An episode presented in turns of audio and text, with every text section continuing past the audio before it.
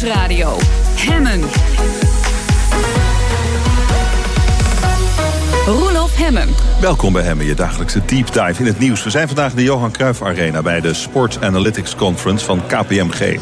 Er is iets gaande in Armenië, trouw bondgenoot van Rusland. Jongeren gaan de straat op om te protesteren tegen de verkiezingsuitslag. En de oppositieleider staat klaar om premier te worden. Morgen stemt het Armeense parlement erover. Bij mij is Hubert Smeets, hij is Rusland-expert bij NRC en Raam op Rusland. Hubert, mooi dat je er bent, welkom.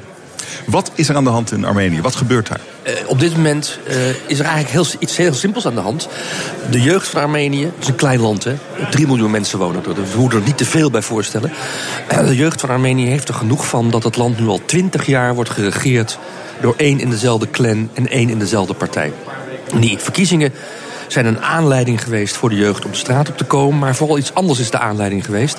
Namelijk dat de vorige president nu premier wilde worden. En als premier meer macht naar zich toe wilde toetrekken dan in de, Oekraïns, uh, in de, in de Armeense grondwet tot voor kort was vastgelegd. Uh, en dat wekte de indruk bij de jeugd dat deze man nog eens een keer tien jaar aan de macht wilde blijven, maar nu in een andere functie. En dat heeft zeg maar uh, de druppel uh, in de, de emmer doen overlopen. Ja, want er is uh, nog wel iets, iets geks aan de hand natuurlijk. Dat, ze hadden wel de meeste stemmen, deze, deze, de partij ja, van deze, van deze president-premier. Ja, maar, maar die, die, die, die om, omslag van het presidentschap naar het premierschap... is eigenlijk datgene wat de vonk is geweest in het kruidvat. En daarvan zou je kunnen zeggen, dat is niet conform de regels. En dat is de aanleiding geweest. Het proces, protest in Armenië is eigenlijk al een paar maanden aan de gang. Hoor. Dus het komt niet helemaal uit de lucht vallen. Wat meer verrassend is, is dat de regerende partij zo snel door de knieën is gegaan voor dat protest. Ja, want wat ze gezegd hebben is, nou ja, oké, dan deze niet dan jullie kandidaat maar. Terwijl die dus niet de meeste stemmen had. Nee, sterker nog. Zij willen dus de macht geven aan een oppositiekandidaat die eigenlijk niet gekozen is. Ja, op dit moment. Dat hebben ze nog een ja. tijdje geprobeerd uh, tegen te houden. Maar toen kwamen er weer blokkades op straat. Uh, roadblocks zou je kunnen zeggen door demonstranten. Soms ook hele creatieve. Bijvoorbeeld een blokkade, een barricade op straat van schaakstenen. Nou niet bepaald een gewelddadige vorm van demonstreren zou je zeggen. Uh, de, de, de, de, de regeringspartij is voor één ding ontzettend bang op dit moment. En daarom steunen ze de oppositieleider die misschien premier gaat worden. In de grondwet staat dat wanneer het parlement tot twee keer toe niet in staat is om een uh, premier te kiezen, dan moeten er automatisch nieuwe verkiezingen voor het parlement worden uitgeschreven. En de regeringspartij is bang dat ze die dan zullen gaan verliezen. Okay. Die parlementsverkiezingen binnen een paar maanden na de vorige. Nou ja. Wat denk jij dat er onder zit? Er is dus onvrede. De aanleiding is nu dat gedoe met die president-premier. Maar wat zit eronder? Eronder zit eigenlijk. Uh, eigenlijk iets heel simpels wat je overal ziet in de voormalige uh, Sovjet-republieken die deel zijn geweest van de Sovjet-Unie tot 1990. Uh, het land hervormt niet of onvoldoende.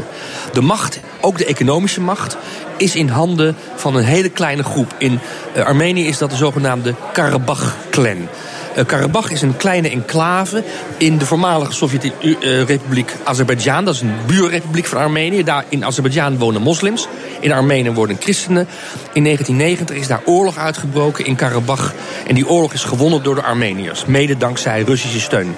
Uh, dus Karabach uh, is een, je zou kunnen zeggen, een heldenstreek. Mm -mm. Iedereen die daar vandaan komt, heeft een patriotische credentials van, van je welste. En die groep die daar uh, zijn politieke en militaire carrière is begonnen 20, 30 jaar geleden. Die heeft nu al 20 jaar de macht in, in Armenië. En uh, dat leidt ertoe dat ze ook al 20 jaar de economische macht uh, naar zich toe kunnen trekken. In een land wat eigenlijk geen serieuze economische hervormingen heeft gehad. Waar geen serieuze innovatie is geweest de afgelopen... economische innovatie is geweest de afgelopen 20 jaar. En dat maakt dat de jongeren die in een hele andere wereld leven dan in de wereld van uh, cognac stoken, wat ze in Armenië doen. Um, maar in een internetwereld zitten, dat die jongeren zeggen van nu hebben we er genoeg van. Willen kijken ook naar hoe het in Georgië gaat, een ander buurland van Armenië. Waar wel hervormingen zijn doorgevoerd de afgelopen twintig jaar. En dat eigenlijk op dit moment veel beter economisch draait dan Armenië. Want wat is Armenië dan voor economie? Is het nog een soort uh, Sovjet-satellietstaat? Ja, uh... ja, het is een economie met uh, heel weinig industrie. Met een beetje landbouw. Maar dat is eigenlijk ook niet meer zo concurrerend als het in de oude tijd van de Sovjet-Unie nog was. En het is een land dat heel erg draait op de inkomsten uit de diaspora. Um, sinds de uh, beroemde Armeense genocide van 1915, toen de Turken korte metten hebben gemaakt met de Armenen in het Ottomaanse Rijk, woont meer dan de helft van de Armeense bevolking in de wereld buiten Armenië. In Armenië zelf, zei al, wonen 3 miljoen mensen. Buiten Armenië wonen 8 miljoen Armenen. Uh, Kim Kardashian. Bijvoorbeeld. Uh, bijvoorbeeld. Of Andrew, Andrew Agassi, de beroemde tennisser. Die Ah. heet eigenlijk Agassian, om maar eens wat te noemen. En ik vergeet natuurlijk helemaal de zanger Charles Aznavour. Uh, dus met andere woorden, die, die Armeense diaspora is heel belangrijk... ook voor de economie in Armenië. Er gaat heel veel geld vanuit Amerika, vanuit Frankrijk... ook vanuit Rusland naar Armenië om die economie overeind te houden. En dat is natuurlijk geen duurzame basis voor de jeugd... Uh, die daar misschien wil blijven wonen, die niet naar Frankrijk wil. En hoe kijkt uh, Rusland daarnaar? Hoe kijkt Poetin daarnaar? Naar wat er aan het gebeuren is in Armenië? Dat is eigenlijk het meest opmerkelijke op dit moment. Uh, als het gaat om omwentelingen in de voormalige Sovjet-republieken... dan is Poetin er altijd als de kippen bij om te zeggen... buitenlandse invloed, kleurenrevoluties... alleen maar gericht op het destabiliseren um, van de regio en dus ook van Rusland. Dat doet Poetin in dit geval niet. En dat komt omdat de oppositie in Armenië eigenlijk geen westers programma heeft. Het is, je zou kunnen zeggen, een binnenlands conflict. De oppositieleider, uh, die misschien morgen premier wordt, uh, heeft eigenlijk alleen maar plannen met die 3 miljoen Armeniërs Oh. in Armenië. Heeft geen behoefte om lid te worden van de NAVO. Wil geen associatieverdrag met de Europese Unie. Wel goede betrekkingen met Europa. Maar wil niet uit, uh, je zou kunnen zeggen, de, Europe de economische gemeenschap die Moskou heeft gebouwd met Wit-Rusland, Kazachstan, Kirgizië en Armenië. Uh, daar wil hij niet uitstappen. Dus hij is geen directe bedreiging voor de Russische invloedssfeer. En hoe kijkt de Europese Unie ernaar dan? Met grote belangstelling. Ja. Zij het dat ze niet de fout maken die ze met de Oekraïne gemaakt hebben, vier jaar geleden. Uh, ze doen dat zeer terughoudend. Dus er is wel een soort van handelsovereenkomst gesloten tussen de Europese Unie en Armenië. Om te kijken of je toch misschien wat betere gestructureerde uh, economische betrekkingen met Armenië kunt organiseren. Maar dat blijft allemaal erg, om het maar zo te zeggen, onder de radar. Men niet... wil Rusland niet provoceren. Maar ja, het, is, bedoel, het is ook niet echt een heel erg belangrijk land, toch? Uh, ook economisch nee. niet belangrijk, dus wat hebben we eraan? Uh, misschien uit, om, om strategische om redenen. Om strategische redenen. En, en, wat is dan de waarde van Armenië? Uh, Armenië is een belangrijk land, sleutelland in de Caucasus. Ik zei het al, het wordt het is ingeklemd tussen aan enerzijds uh, Azerbeidzjan, een moslimland met hele goede betrekkingen met Turkije. Een uh, islamitisch land ook met enorm veel oliereserves in de Kaspische Zee. En aan de andere kant Georgië, waar de pro-westerse koers, ondanks het feit dat er nu een niet anti-Russische regering zit, de pro-westerse koers heel erg in de bevolking is geworteld. De meerderheid van de Georgiërs is voor lidmaatschap van de NAVO, om maar eens wat te noemen. Um, dat is in Armenië absoluut niet het geval, maar je zou kunnen zeggen als brug functie is Armenië niet onbelangrijk, ook niet voor Europa. Om gewoon uh, daar in het zuiden van de Caucasus, waar ook heel veel uh, islamitische terroristen vandaan komen, ook uit het Russische deel van de Caucasus, om daar een beetje tegenwicht te bieden tegen uh, de verwarring die er in de rest van dat gebied bestaat. En denk jij dat het parlement in Armenië morgen inderdaad die oppositieleider zal kiezen als premier? Ja, ik denk het wel. De, de, de, ze hebben gezegd, de regeringspartij, wij uh, stemmen voor de presidentskandidaat door die, door een derde van de leden van het parlement, er zitten 105 mensen in dat parlement, wordt voorgedragen. Dan zullen wij uh, daarvoor stemmen. En ik denk dat ze dat uiteindelijk toch zullen doen, omdat ze doodsbang zijn voor die vervroegde parlementsverkiezingen. Want dan is die partij niet meer de grootste partij van het land. In, in, de, in de voormalige Sovjet-Unie, dus ook in Armenië, kunnen politieke voorkeuren echt ongelooflijk uh, snel veranderen binnen een paar dagen. Kort gezegd is uh, de bevolking in, ook in Armenië geneigd om te kiezen, te stemmen voor de macht. En als er een premier is, die, ook al is hij geen premier geworden, maar die heeft laten zien dat hij in staat is om de macht uit te dagen, op de knieën te krijgen, en dat is gelukt vorige week, dan is de bevolking over het algemeen daarvan gecharmeerd en stemt daarvoor. Dus de regeringspartij loopt het grote risico dat ze voor het eerst in lange tijd uh, de meerderheid in het parlement verliezen. En dan hebben ze liever een premier die ze een beetje kunnen laten bungelen omdat hij niet de meerderheid in het parlement heeft... dan dat ze hun eigen zetels verliezen.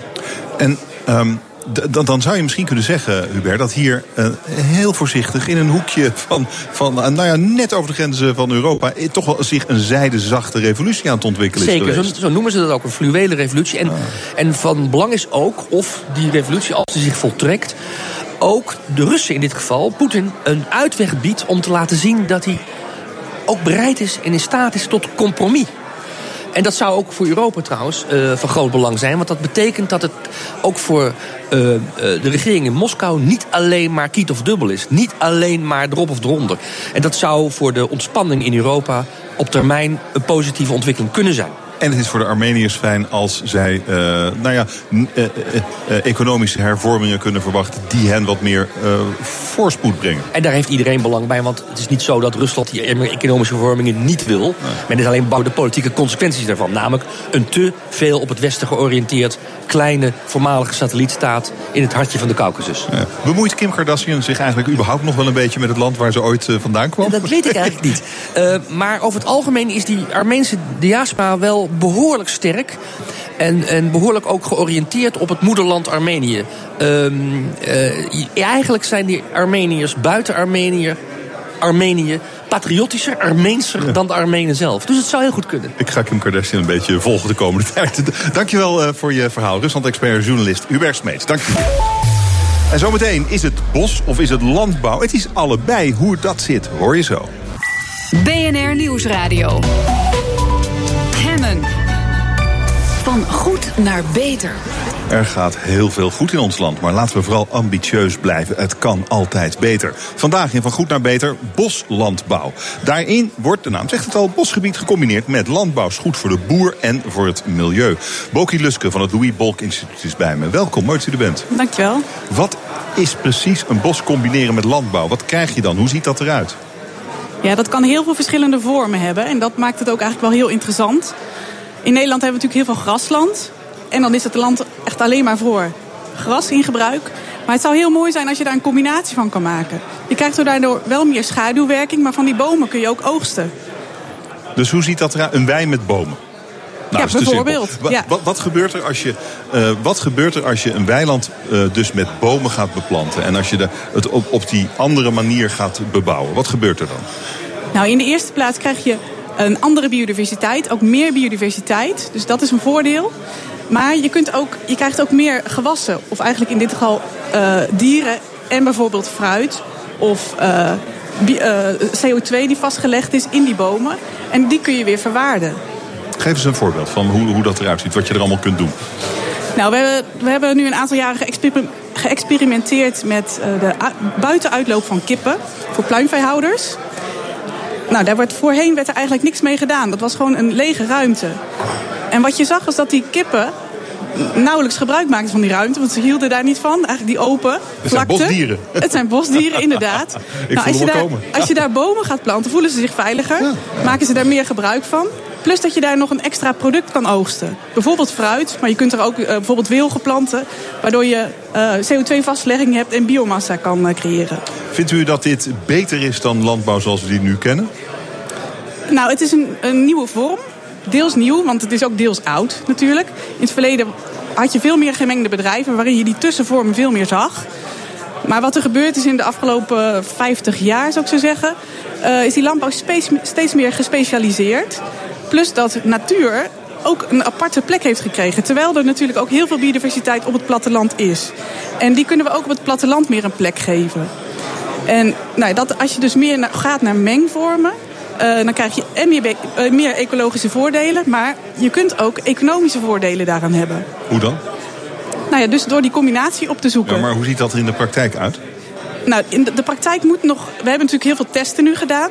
En het is nu nog zoeken naar de beste vormen. Het wordt veel meer maatwerk. Het wordt veel minder uh, monotoon, maar diverser. Maar kunt u vertellen, wat, we dan, wat zien we dan? Hoe ziet het gewoon simpel? Hoe ziet het eruit? Uh, wat doet die boer dan? Moet hij meer doen of minder doen dan in de traditionele landbouw?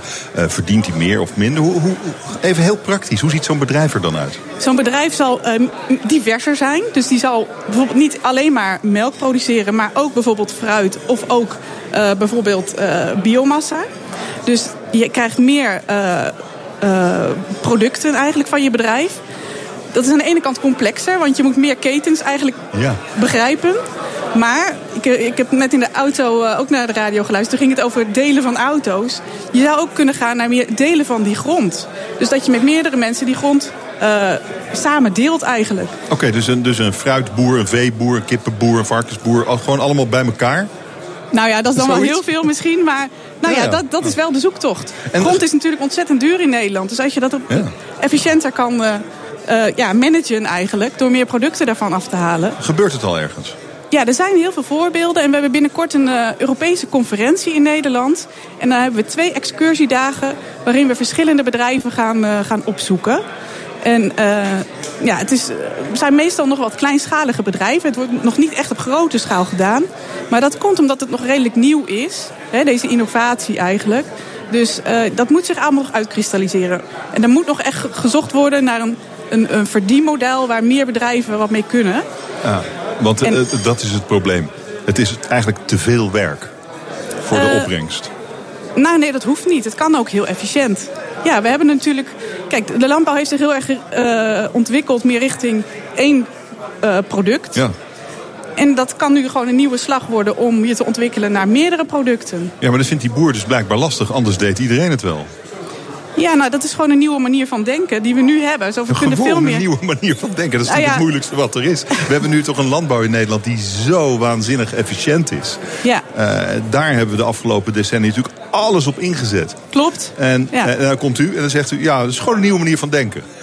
Nou ja, niet, ja, gewoon, dat is misschien een statement inderdaad. Maar eh, het is een nieuwe manier van denken, laat ik het zo zeggen. Kan je, En- kan je als je boer bent volgens de, volgens de traditionele methode, kan je dan, is het dan makkelijk om, om, om om te turnen naar de nieuwe manier van denken, namelijk naar boslandbouw? Is dat makkelijk?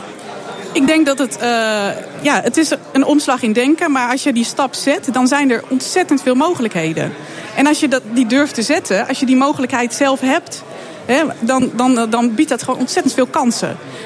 Wat ik net zei over die, die pluimveebedrijven die hun uitloop dubbel gebruiken, dat is ook ontstaan vanuit de boer die denkt van ja, ik heb die grond, maar Ja. ik gebruik hem niet optimaal. En nu zien we natuurlijk dat eh, de, de landbouw zoals we die kennen, met, met, met monoteelten en eh, heel gespecialiseerd, dat het ook zijn weerslag heeft op de biodiversiteit.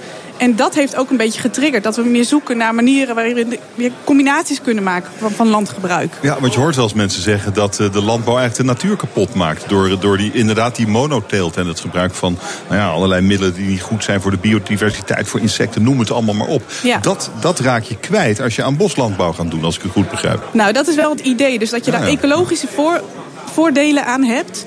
Ehm, en dat je dus minder eh, druk hebt van plagen bijvoorbeeld. Omdat je gewoon meer diversiteit in het landbouwsysteem hebt zitten. Ja. Ben je niet in één keer alles kwijt als er een vervelend kevertje langskomt? Precies, Op die- ja. dus manier, het is ook een manier van, van risicovermindering. Eh, hoe verhoudt zich dit tot het Europese landbouwbeleid? Wat volgens mij uitgaat van inkomenssteun, niet geringe inkomenssteun voor boeren, maar dat gaat per hectare. Ja, dat klopt. Maar En- dat, dat, dat, gaat nu per hectare. Maar het is nu al wel zo dat boeren voor een gedeelte een vergroeningspremie krijgen. Als ze bepaalde maatregelen nemen om hun eh, bedrijf te vergroenen. Oh ja, want Europa ziet dit zitten, hè? Ja, ja, ja zeker. We zijn dus nu in een eh, Europees eh, project, hebben we een aantal jaren gewerkt. En daarin proberen we ook daarmee het beleid enigszins te begrijpen en uit te leggen wat voor voordelen dit kan hebben. En eh, ja, wetenschappers zijn er al deels van overtuigd. Maar het moet nog allemaal doorvertalen richting de praktijk. Nou, dat zou dus heel goed ge- kunnen gebeuren als de Europese Commissie eind mei met het nieuwe landbouwbeleid komt. Klopt, ja. Nou ja, Ja. wat moet daar dan in, vindt u? Nou ja, bijvoorbeeld dat een boom planten, dat dat niet een sta in de weg is. Want zo wordt het nu vaak ervaren door een boer. Maar dat, je, dat, daar, eh, dat daar veel meer mogelijkheden toegegeven worden. Het is nu bijvoorbeeld zo, als jij... ehm, ik weet het exa- exacte aantal even niet, niet meer uit mijn hoofd. Maar als je een bepaald aantal bomen op een stuk grond neerzet, landbouwgrond... dan wordt het automatisch gezien als bosgrond. En dan is het natuur. En de natuur moet beschermd worden in Nederland. En dan, ja, dan zit het dus vast. Ja, zeg maar. is het ook Dan- geen cent meer waard meteen? ja, Hè? precies. Dat betekent een waardedaling. Terwijl het eigenlijk ja, ook een waardevermeerdering kan betekenen. Omdat je meerdere producten hebt. En nou ja, wat ik net allemaal noemde, die Dus, voordelen. dus, dus als, als dat verandert, dus het gaat, eigenlijk om de, het gaat eigenlijk om regelgeving die u nu in de ja, weg staat. klopt. Ja, ja, nu staat de regelgeving in de En als weg. dat nou Ja. als dat kantelt, eh, als dat weg is, denkt u dan dat er veel Nederlandse boeren zijn die dit willen gaan doen? Nou ja, het, het, het vraagt wel. Ik, ik ken heel veel boeren die daar inderdaad oren naar hebben, die dat graag zouden willen. En dus nu niet, geen kans krijgen omdat die regelgeving in de weg staat. Maar er zijn natuurlijk ook heel veel boeren die er niet open voor staan. Omdat ze gewoon nog ja, hun bedrijf zo gespecialiseerd hebben en dat ook graag zo houden. Dus ja, zoals ik de boeren ken, het is een enorm gevarieerde groep mensen. En ze hebben allemaal hun eigen visie over hoe ze hun bedrijf willen voortzetten en verder willen ontwikkelen. Maar ik ken heel veel boeren die inderdaad meer die diversiteit willen opzoeken in hun producten. Omdat dat misschien toch wel de toekomst is. Omdat, omdat het ook die bodemuitputting tegengaat, misschien wel, toch? Ja, precies. Nou, ik heb zelf een onderzoek gedaan naar de mineralen in de bodem. En ja, bomen en struiken kunnen die veel beter bereiken. In plaats van gras bijvoorbeeld. Dus daarmee het heeft heel veel impact op de mineralen kringlopen die op het bedrijf uh, zich ja, een weg vinden. Die, heel veel mineralen zitten zo diep in de bodem, daar kun je eigenlijk niet bij. Maar die bomen en die struiken kunnen dat wel. Waardoor die grond uiteindelijk dan weer rijker wordt. Hè? Want hoe werkt dat dan? Ja, ja, je hebt natuurlijk het blad wat valt van de boom, wat ook weer voeding is. Met die mineralen erin die die boom op grote Precies, diepte heeft. Ja, Kijk, maar ook heel veel organische stof. En je krijgt dus ook onder de grond CO2-vastlegging. En nou ja, dat is ook nu een zoektocht waar we naar aan het kijken zijn. Kunnen we die CO2-vastlegging die plaats zou kunnen vinden op Nederlandse landbouwgrond kan je dat verzilveren door bijvoorbeeld CO2-compensatie eh, voor bedrijven die hier in Nederland ook iets willen doen aan de biodiversiteit en hun, uh, ja, hun CO2-uitstoot zelf willen compenseren. Ik zou denken dat als ik boer was, dat ik dit zou willen. Ja, inderdaad. Hartelijk dank voor dit gesprek. Boki Luske van het Louis Bolk Instituut. Dank u wel. Graag gedaan. BNR Nieuwsradio. Hemmen. Roelof Hemmen. Je luistert naar hem je dagelijkse deep dive in het nieuws. We zijn vandaag in de Johan Cruijff Arena bij de Sports Analytics Conference van KPMG. Het is het meest gevoelige conflict ter wereld, de verhouding tussen Israël en de Palestijnen. En ook de Nederlandse politiek worstelt er al jaren mee. Over de Nederlandse opstelling in dat conflict schreef universitair docent Peter Malcontent het boek Een Open Zenuw. En samen met voormalig topdiplomaat Robert Serri is hij mijn gast. Heren, welkom. Goedemiddag. Dank u. Goedemiddag. Uh, meneer Malcontent, dit is ongeveer het ingewikkeldste conflict ter wereld... waar iedereen hele sterke opvattingen op, over heeft. Waarom bent u met dit wespennest aan de slag gegaan? Ja, dat is een hele goede vraag. Heel veel mensen hebben me daarvoor gewaarschuwd voor ik eraan begon. Want eh, wat je ook opschrijft in dit boek... Uh, hoe genuanceerd je ook probeert uit te drukken... je weet van tevoren uh, dat er een, een kamp is, een, een, heel pro-Palestijns kamp... wat zegt het is de pro-Israëli's... en een pro-Israëlisch kamp wat zegt het is de uh, pro-Palestijns. Dus goed doen doe je het niet. Maar voor iemand die uh, houdt van internationale betrekkingen, en dat uh, ben ik, ja. is het, het is het meest tragische en het meest moeilijke ja. en langsdurende conflict. uit de moderne geschiedenis. Maar het bevat voor iemand die geïnteresseerd is in internationale betrekkingen zo ongeveer alles. En u, u vindt het dan niet erg om door heel veel mensen verketterd te worden? Ja, nou ja, dat neem ik er dan maar op de koop toe bij. Uh, meneer Serri, waarom is dat, denkt u, met uw diplomatieke ervaring nou altijd nog die, letterlijk die open zenuw, zoals het boek ook, heeft, ook heet, in, in onze samenleving? Omdat het inderdaad het uh, langste onopgeloste conflict uh, in de geschiedenis van de VN is. Sinds, uh, sinds 48. dus ik heb zelf ook een beetje geworsteld hoor, met dezelfde gevoelens. Ook als diplomaat. Ik ben voor de VN de gezant van Ban Ki-moon geweest in, in Jeruzalem zeven jaar lang ja, dan zit je ook tussen die twee vuren. Uh, maar het, het, wordt wel steeds erger en steeds ernstiger. Daar heb ik ook in mijn eigen boek, The Endless Conflict, uh, uh, voor gewaarschuwd. En ja, het kan volgende week alweer helemaal uit de hand gaan lopen. als enerzijds Israël zijn, zijn, zijn geboorterecht weer viert... en viert dat de Amerikanen de, de ambassade naar Jeruzalem zullen verplaatsen. Misschien komt president Trump wel. Terwijl tezelfde tijd, rond 14, 15 mei de aangekondigde grote mars komt. De terugkeermars eh, van eh, wanhopige Palestijnen in, eh, in, in de Gazastrook. Dus daar staat ons nog wel wat te wachten. En dat zou verschrikkelijk gewelddadig kunnen worden. Dat is waar u bang voor bent. Ja, het is al gewelddadig. Zoals u weet, er zijn al tientallen Palestijnen omgekomen... bij de marsen die tot nu toe zijn gehouden. Ik, ik ben er zelf ook van overtuigd dat als de wereld nog iets wil betekenen voor dit conflict... dat we moeten kijken eerst naar Gaza nu. Als je Gaza niet weet te stabiliseren, dan vergeet ook dan uh, die twee-staten-oplossing. Waar uh, en dat vind ik het mooie van het boek van uh, Peter Malcontent. Er, er, er straalt een, een, een, behoedzaamheid uit van het Nederlandse beleid. Maar ook een zekere zelfgenoegzaamheid. We ah. blijven maar beweren dat die twee-staten-oplossing... dat is het, de enige oplossing. Er is geen plan B. Terwijl iedereen eigenlijk weet dat we al veel langer in de richting bewegen van een één-staat-realiteit. Zo heb ik het genoemd al in 2011 in een van mijn briefings in de Veiligheidsraad. Laten we eens uh, gaan kijken, uh, meneer Malcontent, waar dit vandaan komt. Want uw, wanneer begint uw boek? Wat is uw vertrekpunt? Mijn, uh, mijn boek begint in 1917 met de Balfour-verklaring. Toen de Britten tijdens de Eerste Wereldoorlog het Joodse volk... en de Zionistische beweging binnen het Joodse volk... een eigen, eigen thuisland hebben beloofd in Palestina... wat toen nog een Ottomaans onderdeel was van het Ottomaanse Rijk. En uh, na de Eerste Wereldoorlog uh, is het een mandaat geworden van, van, van de Groot-Brittannië. er is een toenemende migratie van, van, van Joden uit Europa heeft plaatsgevonden.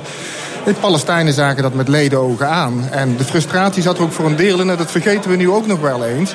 En daarom begin ik ook in 1917. Kijk, um, uh, in die Eerste Wereldoorlog is datzelfde Palestina ook aan de Arabieren beloofd. als onderdeel van een groot koninkrijk. Uh, want uh, de Engelsen wilden dat de Arabieren de strijd op zouden nemen tegen de Ottomanen in die Eerste Wereldoorlog. En daarvoor zouden ze een koninkrijk krijgen na de Eerste Wereldoorlog. Nou, die belofte is nooit nagekomen. Dus dan krijg je dus Arabieren, de Palestijnse Arabieren, die aan de ene kant zien van ja, we krijgen niet wat ons beloofd is. En anderzijds worden we in plaats daarvan geconfronteerd met een toenemende migratie van Joden uit Europa. Uh, en ja, dat is een probleem wat de Britten natuurlijk toen wel over zich hebben afgeroepen. Um, en wat tot, uh, toen al tot grote frustraties ook uh, bij, bij Palestijnse Arabieren heeft geleid. Maar de Joden pakten gewoon door en stichten hun eigen staat. Uiteindelijk wel. En dat, ook dat is weer voor een deel natuurlijk... Kijk, de Britten zeiden jullie krijgen een thuisland. Maar er stond niet bij, het wordt een staat. Dus op een gegeven moment zijn die Zionisten begrijpelijkerwijs het heft in eigen hand genomen. En, en langzaam begonnen aan de opbouw van een eigen staat. Ja, en dat is in 1948 ook gebeurd. In Nederland uh, is vanaf dat moment, zo vlak na de Tweede Wereldoorlog... enorm pro-Israël. Had natuurlijk te maken met, met de oorlog, de, de jodenvervolging. Nou, dat is, dat is niet helemaal waar. Niet, okay. nou, dat is ook een van de conclusies die ik in mijn boek uh, uh, stel. Wat er eigenlijk gebeurd is. na, na, na rond 48 was Nederland misschien wel in zijn genen of in zijn emoties pro-Israëlisch. Maar kon het niet laten blijken, omdat we onze kolonie Nederlands-Indië nog hadden. Nou, dat is de grootste ah. moslimbevolking okay, van... Ja, ja, ja.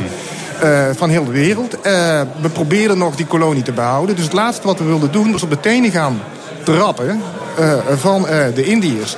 Dus we hebben ons toen in allerlei mogelijke bochten gevrongen... om maar niets te hoeven zeggen over die hele kwestie. Dat is niet helemaal gelukt, maar wel zoveel mogelijk. Dus wij waren ook één van de laatste Europese landen die Israël heeft erkend. En eigenlijk de, de, de, de, de echte, echte, het hoogtepunt van pro-Israëlisch uh, gebeuren... dat was uh, een stukje later in 1967, de Zesdaagse Oorlog... waarin ja, die Israël als een David inging en uiteindelijk als een Goliath uitkwam... toen het westelijke Jordaan over Gaza... Uh, en de Golan uh, veroverde op, uh, op de Arabische landen. Dus dat, dat was, ja. dat was bepalend voor hoe wij in Nederland omgaan met, met Israël, meneer Seri. Waarom was dat? Nou ja, ik denk dat inderdaad als je kijkt naar de geschiedenis... is uh, 67 inderdaad uh, belangrijk geweest uh, als, als omslagpunt. toen werden we inderdaad vaak gezien ook binnen de Europese gemeenschap... als, als heel pro, pro-Israëlisch. Waarom was dat? Ja, ik denk dat het, dat heeft denk ik ook zeker te maken met het parlement en, en met de gevoelens. Uh, de oorlog natuurlijk. Ik zeg ook helemaal niet dat het slecht is om uh, door te gaan voor pro-Israëli's. We hebben vaak ook gezegd, we hebben vaak ook gezegd dat juist die die band met Israël een reden kan zijn waarom we misschien een bijzondere rol kunnen spelen. Ik heb daar zelf ook met Van der Stoel nog een rol in gespeeld. is beschreven ja. ook in het boek. Uh, dat als een voorloper van het uh, Oslo-proces. Maar wat ik toch wel ook zie in dit boek... en ik heb het zelf als diplomaat ervaren... dat de marges voor welke Nederlandse minister van Buitenlandse Zaken dan ook... altijd behoorlijk smal waren. Vanwege in het parlement dat over zijn rug meekeek naar wat we deden. En ik vind dat dat tot, tot op de dag van vandaag het geval is. En ik vind het eigenlijk jammer dat nu Nederland een speciale verantwoordelijkheid heeft in de Veiligheidsraad. We hebben een speciale verantwoordelijkheid genomen voor internationale veiligheid. Wat doen we om iets te doen aan die situatie in Gaza? En, en Bijna wat, niks. En heeft, heeft u daar dan misschien een verklaring voor? Want hoe, zou, hoe kan als wij... Nou, dat is, dat is onze behoedzaamheid. De, en het feit dat we toch meer een beleid altijd gevoerd hebben... van dat je toch in eerste instantie niet je vingers wil branden aan dit, uh, aan dit conflict. Nee, dat maar hebben we heel veel. Wij, wij, hebben toch ook uh, de, de Palestijnen gesteund? Ja, bijvoorbeeld ook met een uh, scanner die nu niks doet in, in Gaza. Omdat, ja. er, de, de, omdat er geen geld is in Gaza om überhaupt iets in te voeren. Ik vind dat... En ik heb, ik heb zelf... Twee maanden geleden was ik door de Veiligheidsraad uitgenodigd om mijn licht weer eens te laten schijnen over het uh, probleem. Ik heb een beroep gedaan op de Veiligheidsraad om Gaza nu te beschouwen als een humanitaire noodzaak om daar iets te doen. We zouden eigenlijk moeten gaan naar een soort uh, trusteeship, internationale voogdij. Een autoriteit die moet worden opgericht om ervoor te zorgen dat nou eindelijk eens iets gedaan wordt aan reconstructie. En laten de Arabieren ook verantwoordelijkheid nemen door een Arabische vredesmacht daar naartoe te sturen die Hamas moet neutraliseren. Want op de een of andere manier moet dat ook gebeuren. Ik zou willen dat Nederland dat eens een keer zou oppikken. Dat is nu onze verantwoordelijkheid ook in de Veiligheidsraad. Zijn er veel landen die er ook zo over denken als u zojuist beschrijft? Ik denk dat velen er ook zo over denken. Maar ook binnen Europa speelt dus weer diezelfde verdeeldheid. Waardoor bijvoorbeeld de, de, ook de, de Europese Unie en, en Margarini... Uh, dus tot nog toe niet in staat is geweest om, om echt een beleid te voeren. Dat is nu eigenlijk wat wij Europeanen zouden moeten doen. De Amerikanen hebben de bal verloren in het Midden-Oosten. Dat is eigenlijk wat je moet concluderen. We hebben ook altijd achter het Amerikaanse vredesbeleid uh, uh, aangehobbeld. Wat, wat, is daar nu van over? Niks. En het zijn wel, dus de gevolgen voor Europa zijn voor ons. In termen van migratie, in termen van terrorisme. Dat, dat, is, dat speelt zich veel meer af in Europa dan in de Verenigde Staten. Dus er is een deficit hier van beleid. Van zelfgenoegzaam beleid, zeg ik ook. We zijn veel te zelfgenoegzaam hier in Nederland ook... om steeds maar weer te blijven beweren dat we voor die twee-staten-oplossing zijn. En we betalen wat aan de, aan de Palestijnse autoriteit. Dat beleid is failliet. Waarom kan dat niet, een twee-staten-opleiding? Want u denkt op uh, uh, een twee-staten-oplossing, meneer Malcontent. Want dat is wat u ook stelt in uw boek. nou ja, die twee-staten-oplossing die is eigenlijk na Oslo steeds verder afkomen te staan. Omdat ja, de afspraak die tijdens de Oslo-akkoord in de jaren negentig is gemaakt is... we gaan naar vrede streven. We hebben een aantal kwesties. Jeruzalem, nederzettingen op de westelijke Jordaanoever. Daar praten we nog niet over. Uh, en wat er uiteindelijk is gebeurd, is uh, dat in, uh, Israël zegt... nou kijk, zolang de Palestijnen niet voldoen aan onze eisen... dus het teruglopen van een aantal aanslagen... en geweld.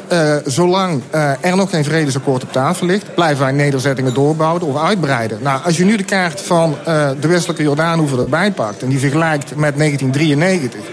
dan, dan is, zijn heel veel stikken zijn nu uiteindelijk weer uh, Joods geworden. Ja, maar, maar uh, ja. dat is, uh, meneer Serri, u, u, noemt het een zelfgenoegzame houding van Nederland, van de wereld. Niet alleen Nederland, zeg ik. Hè? Um, ja. Maar de, de, de, Israëli's zelf staan zijn oplossing natuurlijk ook behoorlijk in de weg. Ja. Natuurlijk, dat is in de eerste plaats het nederzettingenbeleid. Ja. Hè, dat ze voeren. Je, je, je, bouwt geen huis op, uh, op land dat, je, uh, dat een ander land is. En dat is wat ze in feite doen. Hè, dus dat is eigenlijk heel eenvoudig. Waarom hè, dat, dat niet kan. Uh, ik wil overigens zeggen dat er natuurlijk ook een Palestijnse reden is... waarom we ons ja. richting één staat bewegen. En dat is hun verdeeldheid. Het feit dat Zeker. de Westbank en Gaza nu zo verdeeld zijn. En daarom zeg ik ook, we moeten nu in Gaza beginnen. Als je, als je nog enige hoop wil houden voor een twee-staten-oplossing... dan moet je ervoor zorgen dat Gaza en de Westbank weer één uh, eenheid worden. Uh, de, wat je nodig hebt ook voor, een, uh, voor toekomstige oplossingen. Maar laten we nou toch eens ophouden om elke keer weer in een regeerakkoord vast te stellen... dat de enige toekomst is die twee-staten-oplossing. En dan vervolgens gaan we over tot de orde van de dag. Ja, want die is totaal onhaalbaar. Ja, ja. Heeft de geschiedenis bewezen. Ja. maar, ja, maar wat is dan de oplossing? Nou, er is, ik, ik zeg ook niet dat die... u moet, begrijp mij goed. Het is niet, ik noem het een één-staat-realiteit. Ik geloof niet echt in één staat. Hoewel ik ook zeg nu, we zijn zover nu... dat we ook moeten zeggen dat als er uh, mensen zijn die nu echt serieus willen werken aan één staat... en dat betekent natuurlijk one man, one vote... waarbij dus uh, Palestijnen en Israëli's gelijke rechten zouden krijgen... dan vind ik dat natuurlijk ook prima. Zou de internationale gemeenschap ook prima moeten vinden. Maar dat gaat helemaal in tegen het sionistische ideaal. Want de is, uh, Israëli's wilden juist een Joodse staat. Het boek van Peter Malcontent heet niet voor niks een open zenuw. Nog altijd is het een heel gevoelig onderwerp. We praten er zo meteen over verder. BNR Nieuwsradio. Hemmen. Nederland is nog altijd een voorstander van een twee-staten-oplossing voor Israël en Palestina. We hebben het erover. Robert Serri is hier, oud-diplomaat. En Peter Malcontent, hij schrijver van het boek Een Open Zenuw. Um, voor de break, uh, meneer Serri, hadden we het over... Um, de marsen volgende week, uh, Gaza, mm -hmm. de, de, het grote risico op geweld. Geweld dat we natuurlijk al een tijdje zien. Uh, dat zou misschien wel het moment kunnen zijn om iets te gaan doen in die Gazastrook. Waarvan u zegt, dat moeten we onder controle brengen, anders wordt het nooit wat. Ja, dat, dat... Maar wat dan precies en hoe dan? Nou, dat is altijd heel moeilijk. Uh, maar wat voor mij nu wel duidelijk is geworden... is dat als de internationale gemeenschap niet bereid zou zijn... om wat meer verantwoordelijkheid te nemen nu voor Gaza... en dat moeten we doen met Arabische landen, niet Uh, dan, uh, als we dat niet doen, dan, dan blijft het gewoon zo. Ik heb zelf trouwens ook de indruk dat Israël zo langzamerhand zelf ook tot de conclusie komt dat het zo niet verder kan. Ik, uh, een, een generaal die ik zelf nog heel goed ken uit mijn eigen periode, Mordechai, die verantwoordelijk is voor de Westbank en Gaza, heeft onlangs gezegd dat er zoiets als een Marshallplan nodig zou zijn voor, voor, voor Gaza. Nou, eh, dat kunnen de Israëli's natuurlijk niet doen. Dat moeten anderen doen. Dat moeten wij, daar moeten wij inderdaad verantwoordelijkheid voor willen nemen. Dat is waarvoor ik heb gepleit ook in mijn, eh, toen ik was uitgenodigd eh, twee maanden geleden. Om de Veiligheidsraad weer eens toe te spreken in een speciale ARIA-formule zitting. en ik, ik vind dat Nederland, juist ook vanwege onze rol nu in de Veiligheidsraad daar meer serieus naar zou moeten kijken. Ik kan u nu niet in, in, in één minuut vertellen hoe precies de oplossing zou moeten komen. Er zijn natuurlijk wel een paar problemen. Gaza is natuurlijk overvol. Het is arm, het is gewelddadig. Ja. En ja, een Marshallplan. Wat lost het Marshallplan op? Nou, kijk, je moet beginnen. Ik, het Marshallplan. Grond dat is, een, dat is misschien het dat probleem is natuurlijk een groot woord. Maar je, er is op dit moment geen water meer. De aquifer is dood. Uh, en er is geen des desalination, hè, geen desalinatie. Uh, ontzouting. Ja, ontzouting. Die is keihard nodig. Op dit moment komt er niks van de grond. Uh, je hebt dus, uh, er is geen energie, er is maar vier uur elektriciteit in Gaza. Er is dus genoeg te doen voor een, voor een internationale autoriteit om gewoon naar die, iets te doen aan die basisproblemen. En dan help je misschien Gaza te stabiliseren. Als je het zo door laat gaan, en dan, dan, dan heb ik ik ben al lang tot de conclusie gekomen dat dat vredesproces eigenlijk zinloos is als je niet eerst dit soort problemen oplost. Maar wat hier natuurlijk pijnlijk nodig is, is meer grond, meer ruimte voor ja. al die mensen in Gaza. Ja. Ziet u uh, Israël daarmee akkoord gaan? Dat kan alleen maar besproken worden in termen van een twee-staten-oplossing... waarbij het altijd het idee is geweest dat er grond bij zou komen aan de Gaza-kant. Want er wordt altijd gesproken over dat die grenzen dan definitief moeten worden vastgelegd. Dat is iets voor later. Meneer Malcontent, hoe gaat, uh, hoe gaat de Nederlandse regering doen wat meneer Serri wil? Nou, die blijft voorlopig denk ik uh, rustig achterover ja. zitten. Om de doodsimpele reden dat er gewoon geen politieke winst mee te halen is. Er is gewoon, er is, er was en er zal voorlopig een uh, meerderheid in de Tweede Kamer blijven die pro-Israëlisch is. Het zijn vooral de wat rechtsere partijen. En dan is... ben je dus ook tegen de plannen om Gaza wat, wat mensvriendelijker te maken? Nou ja, kijk, de, de, iedereen, hè, ook, ook de rechtsere partijen willen Gaza wel mensvriendelijker maken. Uh, dat wil iedereen. Hmm. Het punt is alleen hoe je, hoe je dat gaat doen. Kijk, de manier waarop we dat tot nu toe hebben gedaan... is vooral via ontwikkelingshulp. Daar kan iedereen zich wel in vinden. Ja. Maar als je politieke keuzes moet gaan maken... door bijvoorbeeld toch ook Israël met politieke druk te bewegen... tot bepaalde uh, ja, bepaalde zoenoffers. Om het mogelijk te maken dat de situatie ja, maar. Wij, wij zouden dat kunnen, wij, want wij zijn, juist omdat wij een vriend van Israël zijn. Nou, ik moet wel zeggen, ik heb met verschillende mensen... die er op een of andere manier ook wat betrokken bij zijn geweest... niet in de laatste plaats Robert Serie ook... daar zijn natuurlijk wel mogelijkheden, maar aan de andere kant... wordt dit nogal eens gemakkelijk ook door politici gebruikt... als een reden om te zeggen... en daarom zijn we zo aardig voor Israël... want uh, anders raken we die relatie kwijt. Nou, als je dat heel hard gaat lopen rondroepen... dan horen die Israëli's natuurlijk ook wel. En daarmee ben je natuurlijk ook eigenlijk voor een deel je politieke onderhandelingspositie al kwijt. Maar uh, meneer Sarri, u heeft er zeven jaar aan gewerkt, geloof mm -hmm. ik. Jazeker. Aan het, aan het vrede ja. in, uh, tussen Israël en Palestina. Ja. Het, het is niet gelukt. Nee. Um, waar denkt u dat het, uh, dat het bij de Israëli's op blijft hangen? Waar, wat is het allergrootste probleem aan de Israëlische kant? Gebrek aan erkenning. Uh, de twijfel die uh, Israëli's hebben. Kijk, Israël is in feite een Goliath geworden. Hè? In, in, in de regio zeker nu. Maar we moeten nooit vergeten dat de Israëlische veiligheidsbehoefte heel groot is gebleven. En als je dan kijkt, dan, die Palestijnse verdeeldheid helpt dan natuurlijk ook niet. Als Hamas niet, niet bereid is Israël te herkennen. Als er ook in de, in, de, in, de, in de regio nog steeds vaak dus geluiden te horen zijn denk ook aan Iran. dus ik, ik, wil dat helemaal niet onderschatten. dus dat, de, die, die, en dat betekent ook dat uh, Israëlisch links bij, vrijwel niks meer te vertellen heeft. En dat met name natuurlijk rechtse regeringen... en zelfs regeringen met settlers in de regering, zoals nu het voor het zeggen hebben gekregen in Israël. Maar uiteindelijk is dat geen oplossing voor Israël. Israël zal toch vrede moeten maken met zijn, met zijn buren. En dat begint ook bij de Palestijnen.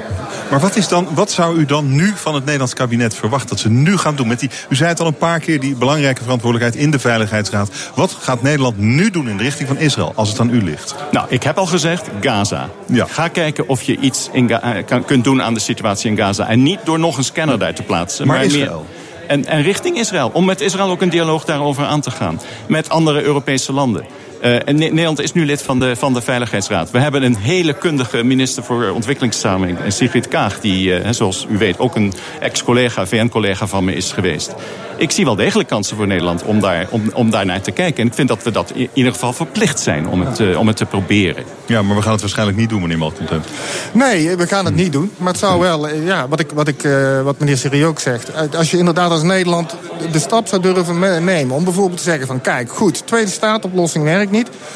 Israël, wat vinden jullie dan van een één-staat-oplossing? Kijk, dan begin je in ieder geval weer een politieke discussie... waarbij je Israël ook weer een klein beetje in het defensief drukt... om een antwoord te geven. Want dan zullen zij ook het antwoord moeten geven... waarom ze dat wel of niet willen. Kijk, en dan, dan is het weer een politiek debat. En dan is het niet een debat waarbij je bij voorbaat verbergt. En dat is wat Nederland, maar ook veel andere Europese landen... op dit moment het liefste wel doen. Ja. Heren, dank jullie zeer voor dit gesprek. Peter Malcontent, schrijver van het boek Een Open Zenuw... en Robert Serri, hij is oud-diplomaat. Dank jullie zeer. Buitenlandse Zaken. Buitenlandse Zaken met Peter Wijninga van het Haag Centrum voor Strategische Studies. We bespreken de verhalen uit de wereld die hem opvallen. Peter, mooi dat je er bent. Welkom. Dankjewel. Vandaag gaan we het hebben over Jemen. Dat is al een jarenlange strijd uh, tussen regeringstroepen en de Houthi-rebellen daar. En nu dreigt dat conflict een nieuwe fase in te gaan. Um, wat zie je gebeuren in Jemen op dit moment, Peter? Uh, we zien gebeuren dat de Amerikaanse steun voor de Saoedische interventie... Uh, die er al was, hoor, ook in de militaire zin... Um, uh, zo dicht bij Jemen zelf komt, het grondgebied van Jemen... dat je eigenlijk kunt spreken van, ja, als dat inderdaad zo doorgaat... dat er min of meer een Amerikaanse interventie plaatsvindt in Jemen. Dat, dat is het risico wat ik nu zie ontstaan. Amerikaanse troepen in Saudi-Arabië? Ja. Om te gaan vechten in Jemen? Die zijn gelegerd langs de grens Aha. met Jemen om uh, de Saoedi's te, zien, te voorzien van doelinformatie. Welke doelen moeten we aanvallen, et cetera. Uh, maar zo langzamerhand zijn ze ook bezig met de Saoedi's naar die doelen te leiden. Saoedische vliegers dus daadwerkelijk op het doel te praten, zoals dat heet. En dan moesten ze zelf ook in Jemen zijn? Nou ja, laat ik zo zeggen. Zeker als die doelen wat verder van die grens af liggen, ja. Uh, waarom doet Amerika dat? Um, nou ja, Amerika heeft zich altijd al achter Saudi-Arabië opgesteld... voor wat betreft deze uh, interventie. Ook uh, door de Britten worden de Saudis gesteund... met wapens en training en opleiding. En ook assistentie.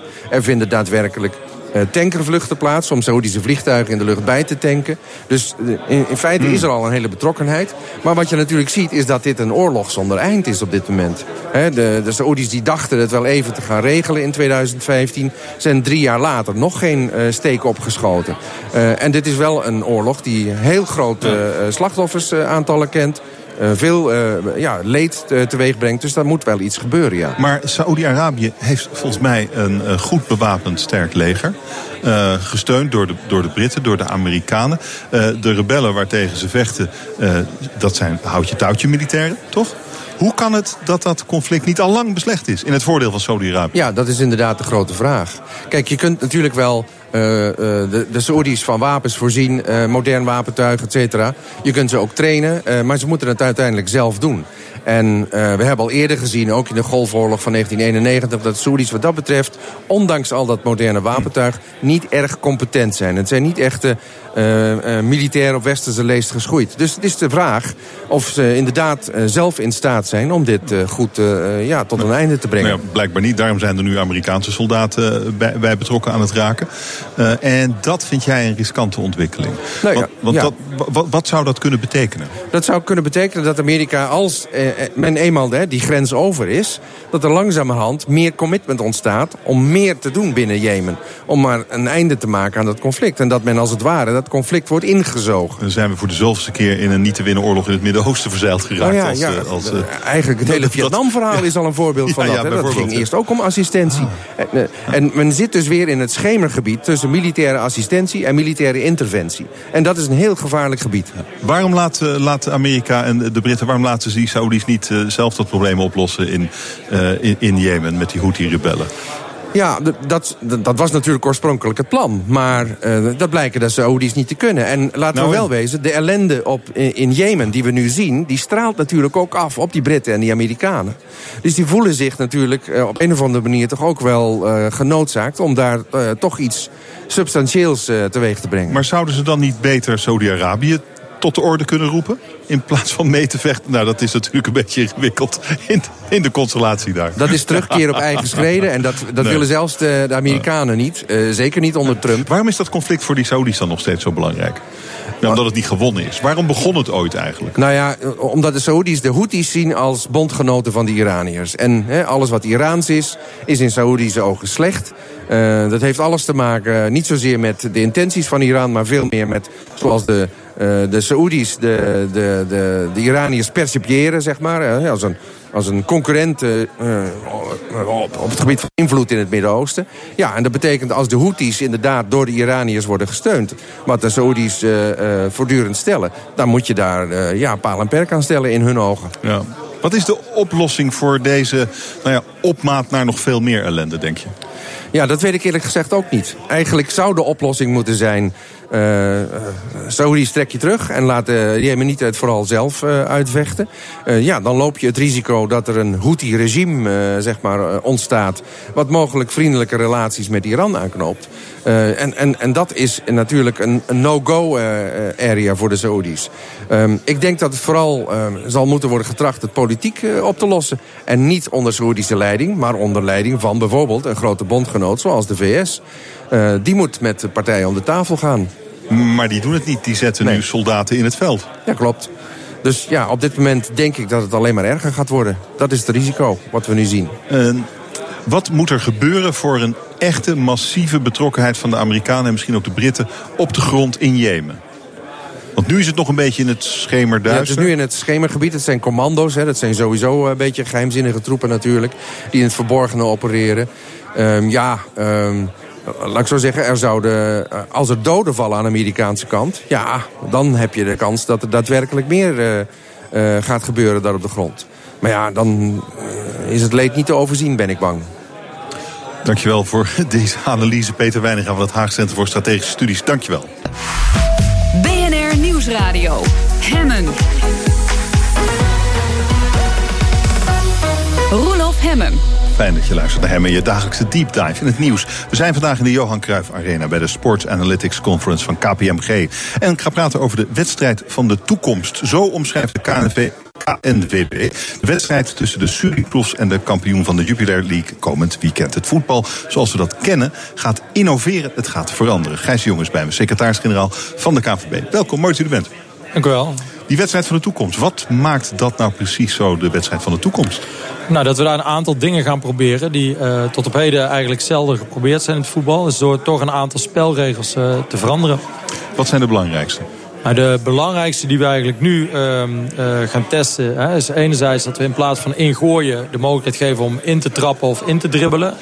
De tweede om met de self-pass te spelen, zoals we in het hockey ook kennen. Dus dat je een vrije trap zelf mag nemen. Eh, een andere belangrijke die we doen is eh, het onbeperkt doorwisselen. Dus eh, niet drie wissels per wedstrijd, maar gewoon onbeperkt doorwisselen. En we maken gebruik van zuivere speeltijd. Dus we spelen twee keer 30 minuten en we hebben een vijfde official... die eigenlijk de tijd stilzet op het moment dat de bal uit het spel is. En dat zou het voetbal aantrekkelijker moeten maken.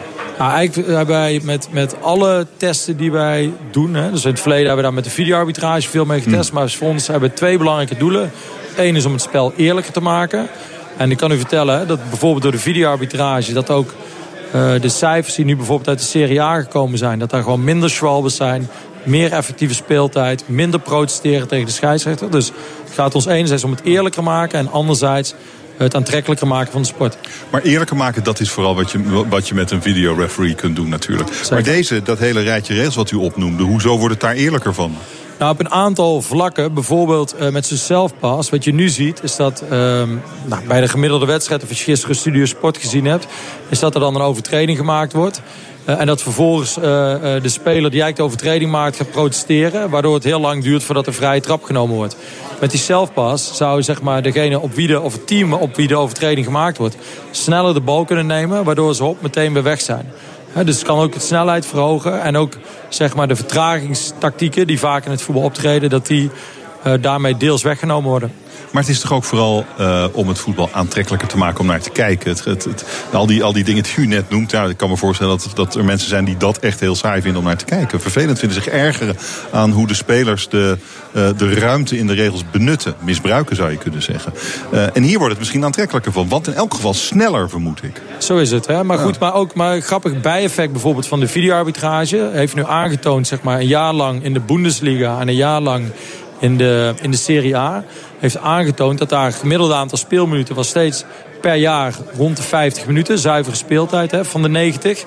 Uh, en nu in beide, en in beide competities zie je nu meer dan een minuut verhoging. Dan kunnen we allemaal zeggen, dat is niet zoveel.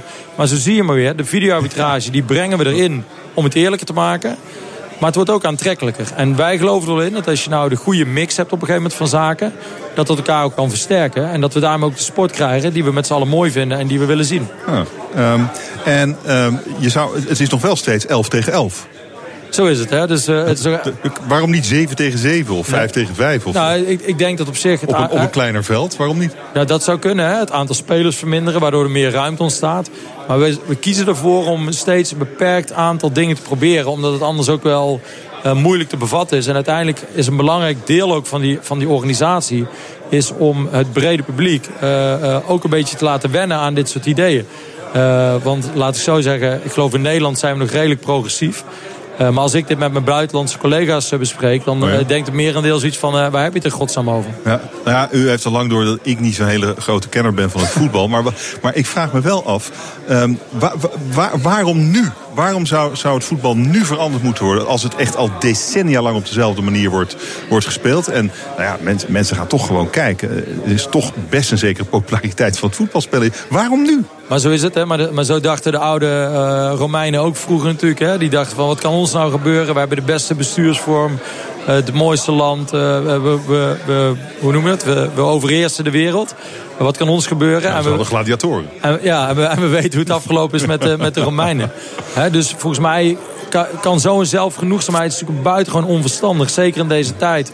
Waar je toch, uh, toch in, in, een aantal branches gezien hebt dat overnacht uh, het zomaar kan veranderen. Nou zal in het voetbal het niet overnacht gaan. Uh, maar wij zien toch ook binnen de bond de eerste voorzichtige tekenen... dat uh, soms de populariteit ook iets minder wordt. Dat jongeren, zeker mm. onder de 17 hè, in de grote steden... dat die vaak toch ook kiezen voor andere uh, vrije tijdsbestedingen in de weekenden. Uh, niet, nog niet eens zozeer andere sporten, maar wel gewoon andere dingen doen... of flexibeler willen doen. Dus je moet wel steeds nadenken wat er moet. En we gaan ook echt niet volgend jaar de hele competitie of de Eredivisie anders doen. Maar we willen wel nadenken van, hé, hey, als we nu gaan veranderen... Wat zijn dan slimme zaken om te veranderen? Ja. En wordt het dan ook daadwerkelijk leuker? Ja, maar het zit natuurlijk ook, het zit ook in andere sporten. Je ziet het met het schaatsen, het shorttrekken... wat natuurlijk nou, echt wel met dezelfde uh, idee in het achterhoofd is bedacht. Namelijk, maak het sneller, maak het aantrekkelijker. Waarom zou je 10 kilometer schaatsen gaan zitten kijken? Maar zo is het. Kijk, ja. ik geloof, ik was vorig jaar bij, bij dat schaaktoernooi... In, uh, of dat, het is niet meer Hoogovens, maar de... Maar de schaaktoernooi. En daar, daar was op een gegeven moment de komst van internet... heeft die hele schaakwereld weer veranderd. He, doordat mensen nu in één keer over de hele wereld met elkaar kunnen schaken. Zo ook dat toernooi, uh, Tata Steel is nou... He, dat ze dat zeg maar ook... Uh, dat toernooi door heel veel mensen gevolgd wordt. Wat in het verleden heel moeilijk was. Want je zag de volgende dag een artikeltje in de krant en dacht je, oh ja. Nu zijn mensen gewoon live allemaal dat aan het volgen. En mijn punt, ons punt als KVB gaat er veel meer om. Laten we nou goed nadenken uh, hoe de wereld aan het veranderen is. En hoe wij daar ook de sport op aan moeten passen. Hè? En dat hoeft allemaal hmm. niet uh, morgen totaal anders met 5 tegen 5 op een half veld zonder buitenspel. Maar je moet wel nadenken hoe we het beter kunnen maken. En ik denk dat videoarbitrage Uh, die cijfers uit Italië die ik net noemde. Hè, dat was dan alleen nog effectieve speeltijd die verhoogd is. Maar we zien er ook minder uh, rode kaarten voor protesteren. Minder schwalbes uh, in het afgelopen seizoen. Dus ook gewoon hele positieve effecten. En ja, dan, dan zie ik het wel een beetje als onze rol om af en toe die, dat conservatieve bolwerk een beetje op te schudden. Wat vindt u de leukste zelf van die uh, wijzigingen die u zojuist noemde? Ik vind vooral die, die twee die in, uh, intrappen in plaats van gooien en die zelfpas vind ik wat leuks. En, en ik zal ook zeggen waarom. Ik heb ze gezien in, uh, er waren, was niet ons initiatief. Dit is overigens ook, hè, ere wie ere toekomt, initiatief van de, van de CED, van de Jupiler League die dit organiseren. Hmm. Wij werken hier graag aan mee. maar we hebben met de Avantgarde Cup, die in de Lisse gespeeld is in november... Uh, daar ben ik zelf bij geweest. Initiatief van de correspondent is dit? Van de correspondent. Ja, ja. Okay, ja. Daar ben ik bij geweest. Daar hadden ze uh, onder andere ook die, uh, die indribbel, of de indribbel intrappen en de selfpass gedaan. En je zag daar eigenlijk dat zowel de we hebben na afloop ook interviews gedaan met spelers en, en een enquête. En dat bleek eigenlijk dat de spelers zeiden... het voelt veel natuurlijker om die bal in te trappen dan te gooien. En je zag met die selfpass een paar hele mooie effecten... dat de kerel uh, die de overtreding maakt gaat protesteren bij de scheidsrechter. En vervolgens ziet hij zijn tegenstander er vandaan. Waardoor hij denkt, hé, hey, ik moet er nu als de donder achteraan. Ja. Want hij gaat er vandoor met de bal. Ja, dat is gewoon... Dat is uh, uh, wat ik wel de twee mooiste dingen vind. Ja, ja, ja en wat daar een beetje achter zit... is dat u het eigenlijk het, het, het protesteren als, als strategie, als tactiek eruit haalt. Zo is het. Zo, zo simpel is het. Geldt ook voor die andere dingen natuurlijk. Hey, nou, dat geldt veel. Als je ziet de vertraging in het voetbal... die worden heel veel opgelopen door ingooien vrije trappen nemen, doeltrappen nemen. Ja, eigenlijk alles wat je daar eruit haalt, gaat de snelheid omhoog. De kans dat er fouten gemaakt worden, wordt ook groter. En daarmee wordt het ook aantrekkelijker. Dus dat is ook een beetje wat we proberen eigenlijk te stimuleren. Waar hangt het nou vanaf of u die, uh, die wijzigingen ook werkelijk gaat invoeren? Nou, het rare is... Het rare is, de, zo hebben we het afgesproken met z'n allen op de wereld. Hè. Er is een um, internationale spelregelcommissie, IFAB die, die bepalen wereldwijd de spelregels uh, voor het voetbal. In ieder geval zeker op het betaalde niveau. Dus je zal altijd goedkeuring moeten hebben van hun om dit uh, te mogen testen. Uh, nou, daar hebben we met de videoarbitrage nou wat ervaring mee opgedaan in de afgelopen jaren. voor het komende seizoen zijn we ook weer aan het studeren op een paar uh, wijzigingen die mogen op dit moment. Hè. Dus tot op heden bijvoorbeeld mocht je de coach mocht je geen gele kaart en geen rode kaart geven. Nou, dat wordt als goed nu vanaf komend seizoen wel toegestaan. Maar wat wij nu proberen is eigenlijk deze spelregelvernieuwingen die we testen. Om daar weer mooie clipjes van te maken. En dat de eerstvolgende vergadering die wij internationaal hebben. Dat we bijvoorbeeld dit kunnen laten zien. En dat we dan ook uh, zeg maar met die... Um, uh, met die mensen kunnen discussiëren over hey, wat kan nou het effect zijn. En willen wij dit ook uh, breder in testen? Want wat wij het liefst zouden willen... is dat je dit ook in een keer in een hele competitie doet. Kijk, één wedstrijd is leuk. Mm. Mm. Uh, maar je moet eigenlijk gewoon een heel seizoen testen... om echt goed te zien wat het doet. Nou, ik, ik uh, maak uit uw woorden op dat dit best een heel langdurig proces is. dat dat te maken heeft met die, die IFAP. Ja. die, die regeltjescommissie. En hoe komt het hoe komt het dat daar zo weinig bereidheid is om open te staan voor nieuwe dingen, voor veranderingen? Ja, ik denk toch, kijk, de, ik denk de, het zit ook een beetje in de menselijke aard. Hè, dat we volgens mij liever uh, vasthouden aan wat we hebben... dan dat we durven te kijken naar iets, uh, iets nieuws. Maar u bent toch niet de enige? Nederland is toch niet de enige voetbalbond die nee. nadenkt over maar wel, maar wel een van de weinigen. Hè? En kijk, wat we nu... En daarom proberen we ook zeg maar, die alliantie wat groter te maken. Dus we zijn nu op de laatste conferentie die we in Londen gehad hebben... heb ik nu ook gekeken met uh, de Duitsers. Die zijn ook iets progressiever op het moment. De Australiërs en Amerikanen. We willen eigenlijk kijken of we met die bonden ook een beetje kunnen gaan samenwerken. Kijk, en voetbal uh, ja, niet, uh, we, we, noemen ze de belangrijkste bijzaak in het leven. Maar ik denk net zoals met de, uh, de Sinterklaas discussie... en je hebt nog een aantal van dat soort discussies. Dit ligt zo dicht bij de identiteit van mensen... dat als jij zegt, we gaan dit veranderen... dat ze denken, ja, maar dit, dit, je, je wil mijn identiteit veranderen. Terwijl ze nog niet overtuigd zijn dat zeg maar, dat het, uh, het nieuwe aantrekkelijker wordt dan hoe het nu is. ze vinden het nu eigenlijk wel goed en ze willen liever het gewoon behouden. Maar en u zou niet gewoon kunnen beginnen met een competitie en gewoon te doen als KNVB? Ja, je moet er uiteindelijk toestemming hebben van, oh. hè, op een bepaald niveau uiteraard. Uh, van, uh, van uh, IFAB om dit te doen. Maar kan je, je kan, kan je niet gewoon in het amateurvoetbal beginnen? Nee, zeker. Maar, hè, dat zou kunnen. Maar het is wel vaak weer de vraag zeg maar, hoe het echt op professioneel niveau uitpakt. Dat is wel heel interessant. Hè? Want dan zie je ook echt wat effect zijn. Bij de jeugd op zich doen we al heel veel op dit gebied. Het als mijn, mijn zoontjes voetballen, die voetballen al met indribbelen en dat soort zaken. Dat gebeurt al bij, bij de jongste jeugd. Ja, maar dat is toch fantastisch. Als het daar begint, als het van onderop komt... dan, dan willen ze straks niet anders dan die vijf, zes wijzigingen die u net noemde. Gewoon, dat doen we al jaren. Laten we dat ook in het professionele voetbal doen. Maar helemaal eens. Hè. je ziet nu ook, uh, zeg maar... Uh, je ziet nu ook bij de jongste jeugd dat dit deels ook gewoon werkt. Hè, met, uh, in ieder geval met het intrappen in plaats van ingooien. Nou, nou al die oude mannen nog. Ja, ja. dat is eigenlijk de grootste hindernis. Zometeen praten we verder over de stand van het Nederlands voetbal. BNR Nieuwsradio. Mijn gast is Gijs de Jong, secretaris-generaal van de KNVB. Uh, we zullen het maar niet meer hebben over dat we niet meedoen in, in, Rusland. Oké, dat doet een beetje pijn. Maar verder gaat het eigenlijk ook niet zo heel goed hè, met het Nederlandse internationale voetbal. Het, het is bijvoorbeeld ook heel ingewikkeld om in de Champions League te komen voor Nederlandse clubs. Waarom is dat? Ik denk dat we daar wel een uitzending mee zouden kunnen vullen. Uh, maar ik denk een van de belangrijkste delen is hè, dat de rest van de wereld en de rest van Europa het steeds beter is gaan doen. Uh, en dat daar ook de economie uh, groeit. Hè. Ook landen als Azerbeidzjan die daar gewoon uh, meedoen. dus ik denk hmm. dat dat wel een belangrijk deel is van, van dit verhaal. Dat ze betere spelers kunnen kopen in landen die eerst niet meededen. Is het zo simpel? Nou, het is niet alleen dat, denk ik. Hè. Dus er wordt bij ons hard gestudeerd, ook door alle technische mensen, zeg maar, van hoe kunnen wij nou beter aanhaken. Maar het is zeker een groot deel uh, verschuiving van de, van de economische uh, macht en positie, zeg maar. Ja, maar gaat bij ons ook hartstikke goed? Zo is Economisch het. Economisch gesproken. Maar dat is zo. Maar de anderen bleven altijd relatief achter. Uh, en die komen nu op.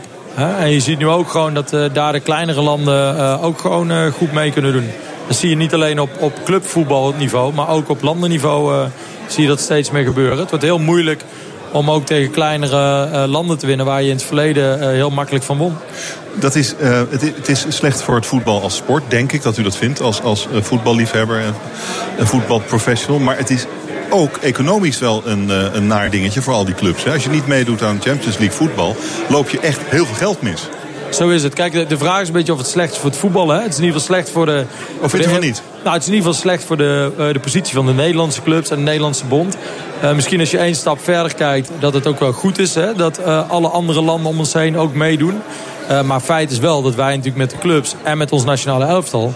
dat wij wel in de top van Europa mee willen doen. Dus wij zullen alles aan doen om daar dichtbij te blijven. Ja, maar het kost tientallen miljoenen om niet mee te doen, toch? Waardoor het voetbal uh, nou ja, nog minder geld heeft om die dure spelers te kopen.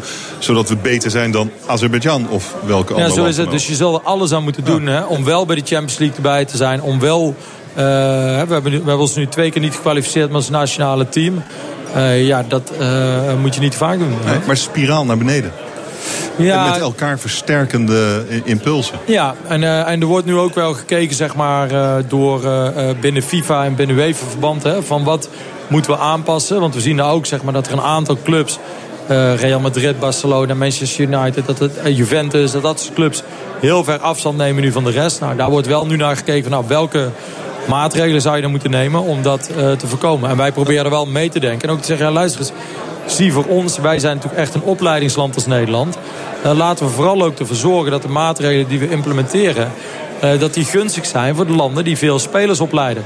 Ja, dat, zijn vaak niet dat is vaak niet Engeland, uh, maar wel Nederland en dat soort landen. Laten we daar eens even naar kijken, want het gaat gewoon over geld. Het is gewoon een bedrijfseconomisch spel wat, wat slimmer gespeeld moet worden blijkbaar. Want als u zegt, die, die grote Italiaanse clubs... die hebben gewoon veel meer geld. Dus hoe, hoe, zou, hoe kan je dat beperken? Hoe kun je hen in hun bedrijfsvoering beperken, zodat ze minder goed worden? Want dat is eigenlijk wat u dan voorstelt. Ja, nou ja, kijk, er, er, zijn, ja, maar er, zijn, nou, er zijn een aantal mogelijkheden zijn er al voor uh, voorgedragen. Ook door de UEFA-president en de FIFA-president. Dus dat je op een gegeven moment gaat zeggen van we houden voor uh, de grote clubs in, uh, in de wereld. Die mogen niet meer ongelimiteerd aantal contractspelers onder contract hebben. Zodat ze, wat we nu zien is dat Manchester City zoveel spelers heeft die hebben meer spelers uitgeleend dan dat ze zeg maar in Engeland laten voetballen. Nou, dat soort dingen zou je naar kunnen kijken. Je zou naar kunnen kijken dat je meer bescherming krijgt voor jeugdspelers. Uh, dat er meer betaald moet worden op het moment dat jeugdspelers van de ene club naar de andere club gaan. Ook weer om de jeugdopleidingen en, de, en het investeringen in jeugdvoetbal uh, om dat te stimuleren. Er staat voor ons dus best wat op het spel daarin. Wat doet u als KNVB eraan in, in, in die hele grote discussie? Ja, dit, wij, wij, proberen uiteraard samen de clubs op een lijn te krijgen. Hè. Dus wat we nu gedaan hebben is alle Nederlandse clubs die Europees spelen of Europees vertegenwoordigd zijn. Uh, maar daar hebben we ook uh, Van der Sar die natuurlijk in veel internationale commissies zit. Michael van Praag. Ik zit zelf een aantal commissies. Jacco Zwart van de Eredivisie, die zit in de, bij de EPFL, bij de leagues in commissies. We hebben daar geprobeerd in ieder geval één um, um, uh, noem je dat, een internationale strategie op te stellen van nou, waar staan wij voor? Hè? Wat, wat vinden wij nou dat er veranderd zou moeten worden? Uh, in die Europese competities, in de regelgeving. En we proberen dat in ieder geval consequent naar buiten te brengen. En we proberen ook te kijken van hey, welke landen om ons heen hebben nu vergelijkbare problemen. Net zoals we met de Amerikanen, de Duitsers en de Australiërs kijken van... hé, hey, die willen wel mee in spelregelvernieuwing. Dus we proberen daar toch wat allianties in te zoeken en wat is de uh, van gelijkgestemden. En wat is de Europese alliantie van gelijkgestemden? Tegen de Italianen, tegen de Britten, tegen de Fransen. Ja, dus, want dat is het dan ongeveer. Maar het is precies wat je zegt. Het is natuurlijk heel moeilijk. Hè, want je, want je, je gaat natuurlijk tegen de topcompetities in. Tegen uh, uh, Italië, tegen uh, Engeland, Spanje, uh, Frankrijk. Dat zijn natuurlijk wel de Duitsland. Dat zijn de grote jongens. Maar ook binnen die grote competities heb je natuurlijk weer een laag clubs uh, die niet bij die top zitten. Ik bedoel, in Duitsland is het natuurlijk Bayern München die er dik bovenuit steekt. Maar daaronder zit er een hoop die er niet bovenuit steken. En het is ook een beetje zoeken naar waar kun je daar nog um, gelijkstemden vinden. Maar die, die, kan je ook vinden bij de Schotse Bond, bij de, een ander aantal Scandinavische, Zwitserland, Oostenrijk. Daar zijn echt wel genoeg gelijkstemden te vinden. Ja. En, en uh, beter voetballen met materiaal dat voorhanden is als het over spelers gaat, dat kan zelfs Ronald Koeman niet. Nou, uh, kijk, la, laten we niet meteen... wat was het? Van, van één zwaluw maakt nog geen zomer. maar volgens mij heeft hij een mooie start gemaakt. We verloren hier in de arena, natuurlijk in de Johan Cruijff Arena van, van Engeland. maar we speelden daarna een goede wedstrijd denk ik in, in Zwitserland tegen Portugal. Um, en ik denk dat hij in ieder geval een aantal uh, mooie keuzes maakt uh, op dit moment. Het vrouwenvoetbal gaat uh, wel als een speer. Zonder meer. Dat is leuk, toch? Dat is fantastisch. ik moet eerlijk zeggen, kijk, ik denk afgelopen zomer was... was het eigenlijk het hele toernooi werd toch genoemd als het zomersprookje. En dat was het denk ik ook voor ons. Ik bedoel, we hebben daar... Ik zal eerlijk zijn, ik heb daar zelf weinig inbreng gehad in de organisatie. Maar ik heb daar nou ja, echt als liefhebber van genoten. Zij, zij gaan straks gewoon natuurlijk wel meedoen aan het WK. Zij, zij, zij, zij, doen eigenlijk alles goed. En sinds kort krijgen ze ook een beetje beter betaald. en terecht, ja. Maar het is geloof ik nog steeds niet op het niveau van de mannen, hè? Nee, maar kijk, dat is ook wel een ding, denk ik. de, de, de vrouwen hebben natuurlijk fantastisch gepresteerd afgelopen zomer. Ik denk dat dat bij iedereen zowel binnen de bond als daarbuiten de ogen geopend heeft van het belang van, uh, van het vrouwenvoetbal. Uh, we hebben er ook een aantal hele mooie sprongen gemaakt nu. Waarbij we eigenlijk al onze kwalificatiewedstrijden, de laatste drie wedstrijden in Nederland, allemaal uitverkocht hebben. Hè? In Groningen, Nijmegen en de laatste keer in, in het Philipsstadion. Dus we maken daar fantastische stappen. daarbij geldt natuurlijk nog wel dat, de, dat zeg maar de kaartverkoopbedragen uh, die wij vragen uh, een stuk lager zijn dan we bij de mannen vragen. dus daar zit nog wel een behoorlijk verschil in. maar we hebben... Waarom eigenlijk? Ja, omdat, omdat wij vermoeden dat ze dezelfde bedragen vragen zeg maar, qua kaartverkoop als bij het mannenteam. Dat we niet zomaar ook die stadions vol krijgen. we proberen dat wel wat meer in balans te krijgen. en in ieder geval te zorgen dat die populariteit er blijft. En dat de stadions vol blijven. Want de ambiance is fantastisch. We, trekken ook meer vrouwelijk publiek. Hè. We hebben uh, geloof ik twee derde vrouwen bij die wedstrijden op de tribune zitten. Dus dat is voor ons, en ik hou er niet van om, om in termen als doelgroepen te praten. Want dat zou, zou geen recht doen aan, aan wat er nu gebeurt allemaal op vrouwenvoetbalgebied. Maar dit is natuurlijk geweldig dat we, dat we deze groep... Uh, die we bij de mannen blijkbaar minder uh, aanspreken, nu aanspreken. Over dat geld. Ik, ik heb een beetje zitten kijken vanmorgen. Ik kon niet helemaal vinden. Maar uh, er zijn experts die zeggen dat de salarissen van een vrouwelijke topvoetballers tussen de 700 en de 2300 euro per maand liggen. Uh, waar het bij de mannen al snel 22.000 per maand. Is maar tien keer zoveel. Ja. Uh, hoeveel kleiner is die kloof nu geworden? Nou, nu heb je het met name denk ik over de, wat op clubniveau ja. betaald wordt. Dat vind ik lastig in te schatten. Want daar hebben we natuurlijk ook... Lieke Martens bij Barcelona. Ja. En, en zeg maar al onze, maar al onze die internationals die, wel... ton. Terwijl in, in, in, in, een jaar. En uh, uh, Messi verdient dat in drie dagen. Dat is ongeveer de verhouding, toch? Ja, of per minuut. Ik, weet, ik, ben, ik ben het inmiddels ook kwijt. Maar, die, nee, maar, maar eens. Hè, maar we hebben dat op landenniveau niveau. Als je ziet wat wij binnen de bond kunnen doen hebben we dat wel behoorlijk nu bijgeschakeld. En we hebben ook maar hoeveel daar, dan? Wat zijn de getallen die Dat durf ik echt niet te zeggen. Ik doe zelf ook die, die gesprekken niet. Hè. Uh, maar dat is wel substantieel verhoogd ten opzichte van hoe het was. Hè. Dus verveelvoudigd. En waar we met name nu aan het kijken zijn, samen met het team. En ik denk dat dat het mooiste is. Dat we aan het zeggen, hoe kunnen we het nu nog verder laten groeien. Want u zei het al, hè, met een beetje geluk. We moeten nog een paar belangrijke potjes nu in, uh, aan het einde uh, van het seizoen kwalificeren we ons voor het EK in, of het WK in Frankrijk. Dat wordt een heel groot toernooi. En we willen ook als bond nu kijken of we dat zelf ook veel groter kunnen maken. Dat doen we bij de mannen natuurlijk al jaren. Dat we zeggen, ja, we willen ook proberen zoveel mogelijk supporters die kant op te brengen. Nou, dat willen we eigenlijk ook nu rond de vrouwen gaan doen. Kijken van, hé, hey, hoe kunnen we nu nog meer die oranje beleving die we normaal dan thuis hebben... met barbecuen met de straat, kantoren oranje versieren. Allemaal naar Frankrijk? Ja. Hoe dan? Nou, gewoon we proberen dat aan te jagen. Zorgen dat mensen heel makkelijk weten. Kijk, Frankrijk weten we allemaal te vinden inmiddels. Hè. Er, gaan, er gaan volgens mij goede treinverbindingen die kant op. En met de auto is het ook niet zo ver. Er ligt een beetje aan waar ze spelen. Dus als je, op het moment dat je zorgt dat heel goed uh, vindbaar is waar je de kaarten kan kopen... Nou, dan kan het enorm stimuleren om daar meer mensen uh, die kant op te krijgen. Wat misschien ook wel interessant is, uh, moet ik aan denken. Want eerder, eerder in ons gesprek hadden we het over de, het aantrekkelijker maken van het voetbal. regeltjes vervangen door betere regeltjes. dat zou je misschien wel super goed bij het vrouwenvoetbal kunnen doen. Dat zo in opkomst is. Heeft u daar ook wel eens over Ja, heb ik ook eens over gedacht. Dus die, uh, alleen wat je daar... Ik maakt mij niet uit, ik wil overal testen. Hè, als mensen openstaan voor de testen. Uh, maar wat je een beetje merkt is dat daar weer... Uh, is een beetje hetzelfde wat in de, in de Amerikaanse competitie... in de Major League Soccer gebeurt. Die willen juist heel graag weer het mannenideaal van de Europese competities kopiëren. En dat zie je bij de vrouwen ook een beetje. Hè, dat ze nog wel graag willen dat de populariteit en hoe het werkt zoveel mogelijk de mannen lijkt. Terwijl ik denk, nee, doe het juist niet. He, zorg juist dat je je onderscheidt en dat je het anders doet. Maar waar ben je eens? Tweede reden om, om het toch niet bij de vrouwen te doen... is dat je eigenlijk ziet dat veel van de ongewenste effecten die we bij de mannen zien... zien we bij de vrouwen een stuk minder. Okay. Uh, en dan kan het iets zeggen over onze aard of uh, de manier waarop wij spelletjes willen winnen. Uh, maar dat het toch over het algemeen een stuk sportiever aan toe gaat binnen het vrouwenvoetbal dan binnen, binnen het mannenvoetbal. Hartelijk dank voor dit gesprek. Gijs de Jong, secretaris-generaal van de KVB. Dank. Tot. BNR Nieuwsradio. Hemmen. Roelof Hemmen. Wat is het verhaal van de man die zaterdag in Den Haag zomaar drie mensen neerstak? Geen terrorisme, zegt de politie. Waarom trekken ze zo snel die conclusie? Bespreek het in... De kantine. Met vandaag Marijn Schrijver, hij is freelance journalist... en Gertjan Mulder, muziekondernemer, ook bekend als rapper Brainpower. Mooi jullie er zijn. Welkom. Uh, Marijn, de, de, uh, de, de, stekende sier hier, zoals die uh, is gaan heten. Veel vragen over die man. Hij stak in Den Haag dit weekend, zaterdag geloof ik, drie mensen neer. Um, het schijnt een Syrische asielzoeker te zijn. Maar de politie wil alleen maar zeggen dat het iemand is die zij kennen als een verward persoon. Maar volgens ooggetuigen maakte die helemaal geen verwarde indruk. Was hij zeer doortastend bij het uh, neersteken van die mensen. En riep hij ook Allahu Akbar. Ja, hij zou zelfs uh, specifiek iemands keel hebben willen afsnijden. Wat toch uh, meer lijkt op een iets met de boodschap dan gewoon effectief iemand neersteken. Maar hij heeft ook uh, eerdere keer zijn hele huisraad op straat gegooid. Uh, schreef de Telegraaf. En dat is toch wel het, het, gedrag van een verward persoon.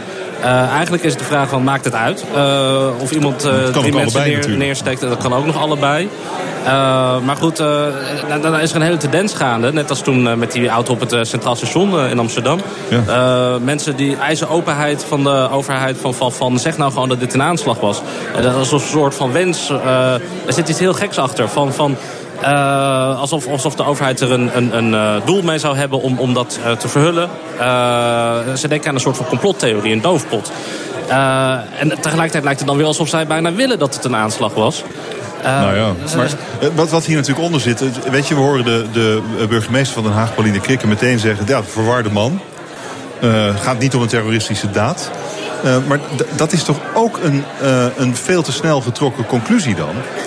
Lijkt me wel. Ik zou inderdaad uh, eerst onderzoek doen. Het, het, lijkt, uh, de vorige keer waren ze ook snel. Toen uh, op Centraal Station nogmaals. met met onwelwording. het lijkt erop dat ze een beetje de, de rust in de samenleving willen, willen behouden. Ehm, terwijl ja, onderzoek moet, moet uitwijzen of, of deze man heeft, gehandeld in, in opdracht van, van mensen uit Syrië. Of, of gelieerd was in groepen zat die, die de jihad willen doen. Het is. ja. Kijk, tegelijkertijd is er wel een hele sterke aanwijzing dat het een verward persoon is. Want, want als je een terrorist bent en je gaat via de vluchtelingenstroom naar West-Europa... dan ga je niet als een verward persoon al, al, je spullen uit het raam gooien... en aandacht op je vestigen. Dat is ook is het een eenling, een verwarde persoon een eenling... of, of is het iemand die in opdracht van een terreurorganisatie dit uitvoert? Hè, dat, is nogal een verschil. Ja, maar je kunt ook in je eentje terrorist zijn natuurlijk. Ja, dit is, best, dit is best lastig. Uh, er zijn heel veel filmpjes uh, zijn er op internet gezet. Hè. Zit jij daar dan naar te kijken? nee, heb ik wel gedaan eigenlijk. Nee, nee, ik heb er eentje deels gezien... Nou, de informatie die, die, stond, uh, die stond uitgebreid opgeschreven. Dan ga ik niet uitgebreid nog die filmpjes kijken. Nee. uh, nou ja, wat uh, wel weer een geluk is, is dat sinds 1980 de criminaliteit in Nederland niet meer zo laag geweest is als nu. Ja, de aangiftebereidheid. Ja. Hè? De, de, de, dit is heel ingewikkeld. Want, want je, laten we zeggen dat, dat de criminaliteit, het aantal criminele incidenten, activiteiten inderdaad is afgenomen. Maar goed, vroeger uh, werd, werd uh, vaker een, een, je autoradio gejat. Gebeurt nooit meer. Hè? En, en, uh, maar wat je tegenwoordig, dan heb je weer nieuwe vormen van criminaliteit. Namelijk bejaarden die met babbeltrucs worden, worden af, afgeperst, worden opgelicht. dus dus te zeggen dat het veiliger is... Hè? Ja, dat, dat, gaat wel heel ver. Het, het, het, nou ja, ik zat, zijn minder aangiftes. Ik zat vanmorgen, ja, ik zat vanmorgen dat, dat, dat verhaal te, te lezen. En, en wat misschien ook wel een rol speelt... is dat jongeren die voorheen op straat gingen hangen... en al nou, vanzelf tot rottigheid kwamen... nu liever binnen blijven om uh, nou, met hun computer dingetjes te doen. Ja, en dat, dat zou dan schelen in, in uh, inbraken en, en uh, straatovervallen. Wat hele vervelende dingen zijn als je het meemaakt. Maar tegelijkertijd zie je een tendens... kijk, Vroeger waren er heel veel kleine overvallen uh, bij tankstations. En toen gingen ze daar veiligheidsmaatregelen nemen bij tankstations. Toen weken ze uit naar avondwinkels, namen ze veiligheidsmaatregelen bij avondwinkels. Gingen ze naar opticiens, speelgoedwinkels. Mm. Uh, maar tegenwoordig, als je als crimineel even een grote smak geld wil verdienen ga je naar de plofkraak. Maar die dingen, die, die, acties, die worden levensgevaarlijk. Want daarbij blazen ze tegenwoordig halve woonblokken op... om, om die uh, pinautomaat op te blazen. Dus, dus minder criminaliteit is niet altijd beter. Uh, omdat, omdat, dat kan concentreren op één, één uh, crimineel iets... Maar wat, wat nog veel groter impact kan hebben. Eigenlijk moet elke samenleving een, een plek hebben waar je als crimineel vrij gemakkelijk een grote som geld kan buitmaken. Om, om ze weg te houden bij, bij uh, ondernemers en, en uh, bewoners die naast, naast uh, geldautomaten wonen. Wat, zegt, wat zeggen deze cijfers voor de toekomst van de criminaliteit? Uh, dat, dat een waterbedeffect is. De, de criminaliteit past zich aan. Uh, je, hebt criminaliteit uh, zoals autoradio's. Nou, niemand heeft meer een autoradio, althans niet meer in die zin. Dan bedenken criminelen iets nieuws. bedenkt de politie opsporingsmiddelen met nieuwe technologieën om daartegen op te treden. Dan gaan, passen zij zich weer daarop aan. Het is een, de criminaliteit en de overheid is een constant kat-en-muisspel. Um, waardoor ik denk ook dat, dat niemand zich per se veiliger voelt dan, dan uh, laten we zeggen, 10, 20 jaar geleden. Jij wel? Nee, ik voelde me 20 jaar geleden ook niet uh, onveilig eigenlijk. Maar je voelt je ja. nu ook niet onveilig. Ja, ik voel, voel, me nu ook niet onveilig. Nee, je, je, kijkt nooit opsporing verzocht en dan zie je... Nee, nee, nee, daar moet, daar moet ik altijd uh, ver, ver vandaan blijven. uh, Gert-Jan. Ik hoor mezelf niet. Ja, daar ben ik, yes. Daar, daar ben je. Ehm, uh, jij hebt een prestigieuze award gewonnen en opgehaald in de Verenigde Staten ja. de afgelopen week. De Global Peace Song Award. Ja. Nou, van harte gefeliciteerd. Dankjewel. Maar, maar, maar wat is het? Ja, het is, een, uh, het is uh, eigenlijk een uh, awardshow. Het is het tweede jaar dat ze die houden. En in de jury zitten onder andere bijvoorbeeld Stuart Copeland, de drummer van de police en dat soort mensen, heel leuk. Maar ze zoeken muziek waarvan zij vinden dat het een positieve impact op de wereld kan hebben. En ja, daar, ik voel me zeer vereerd dat ik daar wat gewonnen heb van, voor mijn Engelstalige repertoire. En het is trouwens een beeldje en een certificaat. Maar op het podium waren ze het beeldje vergeten. Ze komt alleen met een papiertje Dus dat is wel 11.000 kilometer waard natuurlijk. Nou ja, maar het is eigenlijk een, een oeuvreprijs. Nee, het is, dat is het niet eens. Het is eigenlijk uh, mijn laatste liedje in het Engels, All the Same. Dat gaat over verbroedering en dat vonden zij super interessant. Dus dat is nog niet eens een oeuvreprijs. ja, mooi. Uh, Dankjewel. Het zou ook lullig zijn om nu een oeuvreprijs te krijgen, toch? Zo ja, ben je ja, niet. zo, ja, zo van uh, nu moet je stoppen. Ja, ja Eh, die, die twee cafés, hebben, hebben jullie dat meegekregen? Twee cafés in Tiel. Ja. Dezelfde eigenaren wel. Ja, dat heb ik die laten, laten geen mensen meer toe die geen Nederlands spreken. En, Ja. eh, ze zijn wel welkom. Als je buitenlander bent of zo, mag je wel binnenkomen. Maar je moet wel eh, goedenavond kunnen zeggen in het Nederlands. Bijvoorbeeld. Ik zat erover na te denken en ik dacht, is dit nou discriminatie? Is dit Ja. nou goed? Wat, wat is dit? Ja, zeg Marijn. Ja, het- het wat zeg is- jij, Gert-Jan? Ja, natuurlijk. Weet je, ik ben het eens met Marijn, maar ik wil ook graag horen wat hij verder gaat zeggen. Maar... Nee, eh, het is discriminatie. Eh, ik snap het helemaal. Dat, dat, dat je overlast kan ervaren van, van eh, lage opgeleide arbeiders uit een ander land... die, die van een drankje houden en doortanken misschien tot ze. Net als wij in de 19e eeuw in de fabriek. Maar, maar dit is gewoon discriminatie. Hier moet je, dit is de grens die wij hebben getrokken als samenleving. Ik snap het haast wel. Ik zou haast die man gunnen. Van, van, van, maar maar dan schrijf het op. Maar die grens die is er. Die is getrokken. En dit, dit is discriminatie. Nee, ik, ik wil nooit iemand veroordelen, dus ik weet niet wat de situatie daar is. Maar het gaat natuurlijk wel om. Ik begrijp, ik ben zo vaak op plekken waar ik de taal ook niet helemaal spreek. Dat probeer ik dan wel met handen en voeten als je op tour bent in het buitenland. Maar je kan toch aan iemand duidelijk maken wat je wil, ook zonder dat je de taal spreekt. Dat, lijkt, dat kan best wel, vind ik. Dus ik, ik vind dit ook. Ik weet niet, ik weet niet precies wat de situatie daar is dat ze dit besloten hebben. Het ging over Polen. Ze Ja. hadden, ze hadden, eh, het, het, het, het was blijkbaar eerst, was een van die cafés was echt een Polencafé. En die Polen waren hartstikke goede klanten, maar af en toe sloegen ze de bol kort en klein. En er is nou eh, nieuw beleid waardoor ze dat eh, niet meer willen. En dan moet je dus Nederlands kunnen spreken, zodat je eh, de, de eigenaar van de kroeg verstaat als hij zegt je krijgt niks meer, je moet nu weg. Dat was ongeveer het verhaal. Nee, maar dat, dat zou je ook moeten begrijpen als je de taal niet spreekt. Of van, eh, je, je kan vriendelijk iemand duidelijk Ja. maken wat je wel of niet wil, denk ik dan. Ja, dit, zijn allemaal symptomen van het grootkapitaal. Hè? En bedoel, er komen. Pardon? Nou ja, die mensen die werken hier omdat wij dat werk niet willen doen. Voor geld Ah, dat eh, wij niet eh, willen. Eh, zo weinig verdienen zij in, in kassen, tuinders. Hè? En, en eh, dat, het is net de 19e eeuw, de industriële samenleving in Nederland. Die arbeiders die werden uitgebuit, uitgebuit. En die sloegen aan het drinken in de vrije tijd. En dat gebeurt nu ook. Maar, maar ja, eh, en dan zeggen we van, van nou, dit willen we niet hebben. Hè? Want Jullie komen wel voor ons werken, maar als jullie overlast gaan veroorzaken, wegwijzen. Interessant punt. Maar wat wel grappig is als je in Amsterdam eh, Centrum loopt, de stad waar ik woon. Dan 9 van de 10 winkeliers spreken alleen maar Engels. Dus dat is ook weer. De... En dan kan ik ook duidelijk maken wat ik wil, weet je. Rapper Kanye West krijgt iedereen over zich heen om zijn tweets en zijn uitspraken. Veel mensen denken dat hij de weg kwijt is. Of misschien gaat het hem alleen maar om de aandacht. Zometeen in de kantine. BNR Nieuwsradio. Je luistert naar de kantine, we nemen het nieuws van de dag door. En dat gaat Jurgen Rijman straks ook doen in Ask Me Anything. Waar gaat het over straks, Jurgen? Vandaag gaan we het hebben over de bouw van je eigen huis. Want dat doen we graag in Nederland. Eh, steeds meer Nederlanders bouwen zelf een huis. Eh, vorig jaar was het volgens mij iets van 1 op de 10 opgeleverde woning die zelfbouw was. En we gaan het vandaag daarover hebben van... eh, ja, bouw je een vrijstaande villa of een tiny house? Heb je zelf horrorervaringen met het bouwen van een huis... of wil je ons juist inspireren?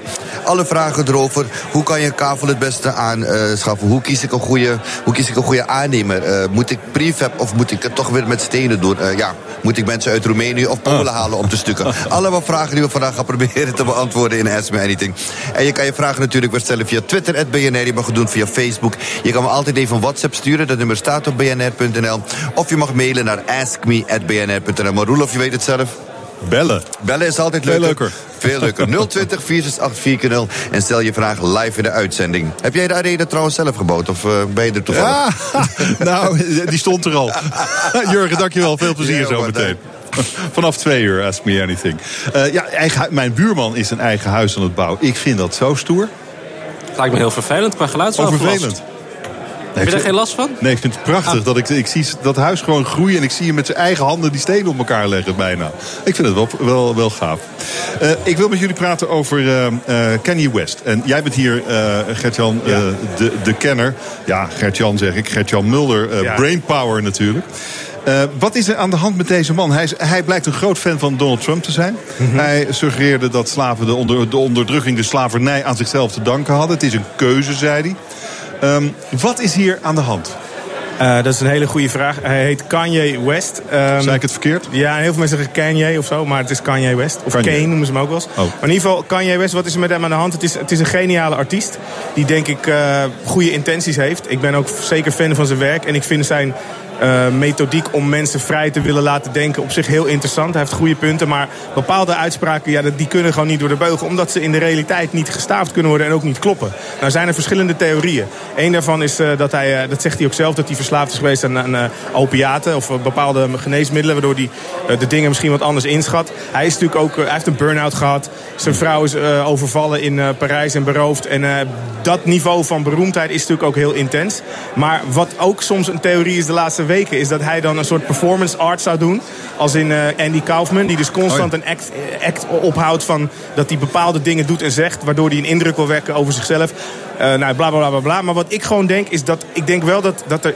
Ja, ik denk gewoon dat zijn intentie niet verkeerd is... maar bepaalde dingen, dat zegt hij gewoon compleet fout. En dat kun je ook niet aantonen dat het zo is. En uh, over Trump en over slavernij, dat gaat gewoon in die zin ja, kijk, vooral dat slavernij-ding is gewoon, dat gaat te ver. Want dat, dat is gewoon niet waar als je kijkt naar de realiteit, weet je wel. En als je mensen vrij wil laten denken, en eigen keuzes wil laten maken... en out of the box wil laten denken, dat is prima. Maar hij heeft in die zin, dat hmm. zei die jongen bij TMZ ook...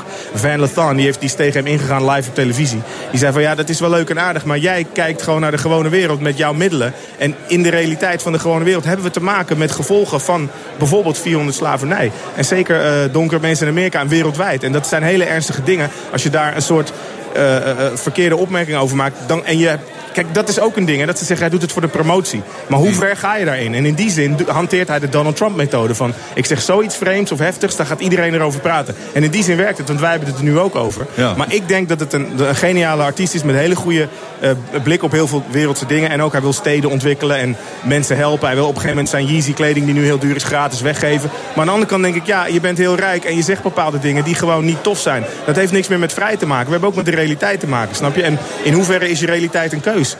Snap je wat ik bedoel? Uh, nou ja, als ik, ik van het dak spring ik, in de arena en ik zeg ik wil vliegen... joh, want ik vind jullie zo tof bij BNR. Nou ja, ik kan je garanderen, dan klap ik op het cement, weet je. Uh, dus, we houden je tegen, hoor. Ja, ja dankjewel. Maar blijf, snap je? blijf staan, hè. Ja. Maar, ja, maar dan begrijp ik toch nog niet wat... Waarom zou... Zo'n performance zou het kunnen zijn, zei je. Dat zijn speculaties. Maar ten koste van wat moet je dat doen? Nou ja, precies, ja. Dat, en, kijk, in, in die zin... Nou ja, wat wil je vragen? Want ja, ik, ik, ik, ik, kijk, ik hou van Kanye West. En hij is gewoon te ver gegaan. Er zijn ook veel collega's die zich zorgen maken om hem. Van, moeten we, uh, moeten we hem niet even bijstaan? En is er iets met hem, weet je wel?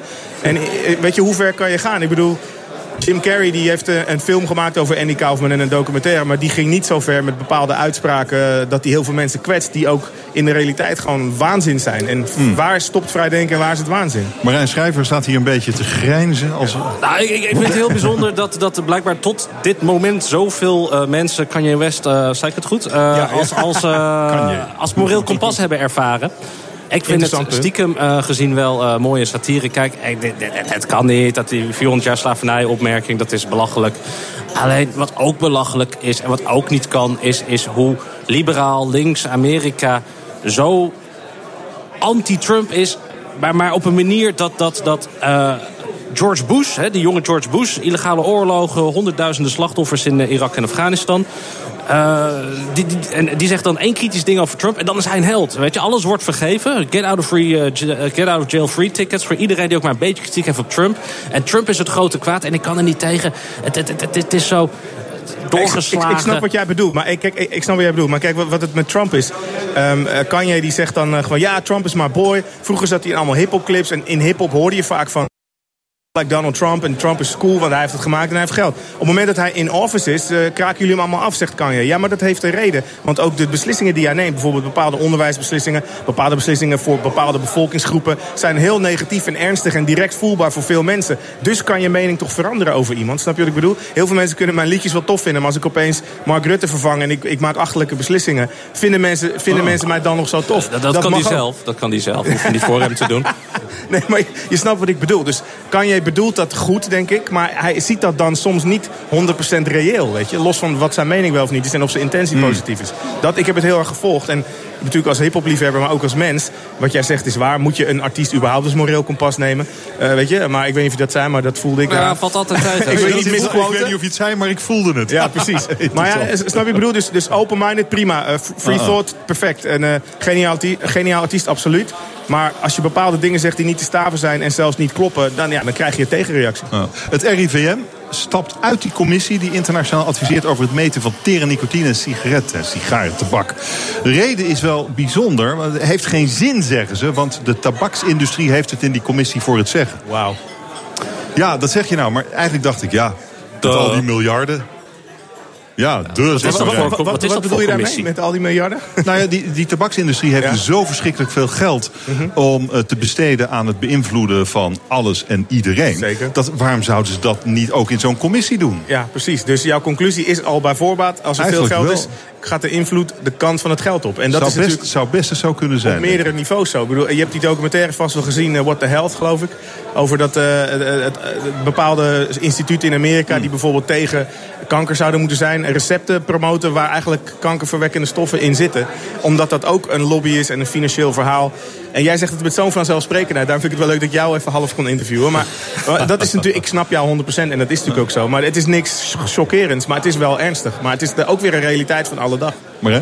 Nou ja, ik, ik snap die commissie niet. Je zit in een commissie als overheidsorganen met de tabaksindustrie. En dan stap jij eruit. Schop gewoon die tabaksindustrie eruit. En dan ga je in je eentje in die commissie zitten. Waarom moet die tabaksindustrie überhaupt Nou ja, waar eh, het om- ook daarover mee mogen praten? Interessant is, waar, interessant is waar het om ging. Het ging over het testen van wat er in die sigaretten zit. En de manier waarop de industrie dat doet, eh, is laatst eh, onthuld. Met hele kleine gaatjes.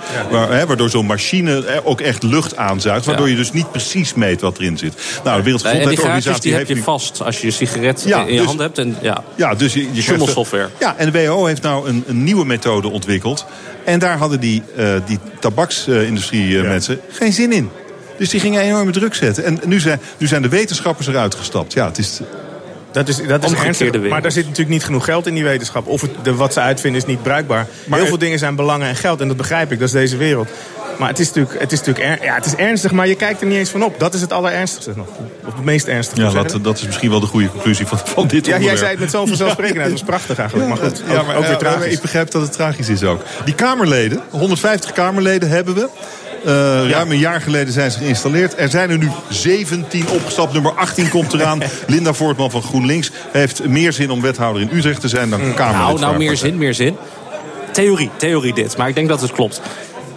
Bij de Tweede Kamerverkiezingen zijn bij GroenLinks twee vrouwen voorkeurstemmen in, in de Tweede Kamerfractie gekomen. Door die actie stem op een vrouw lager op de lijst.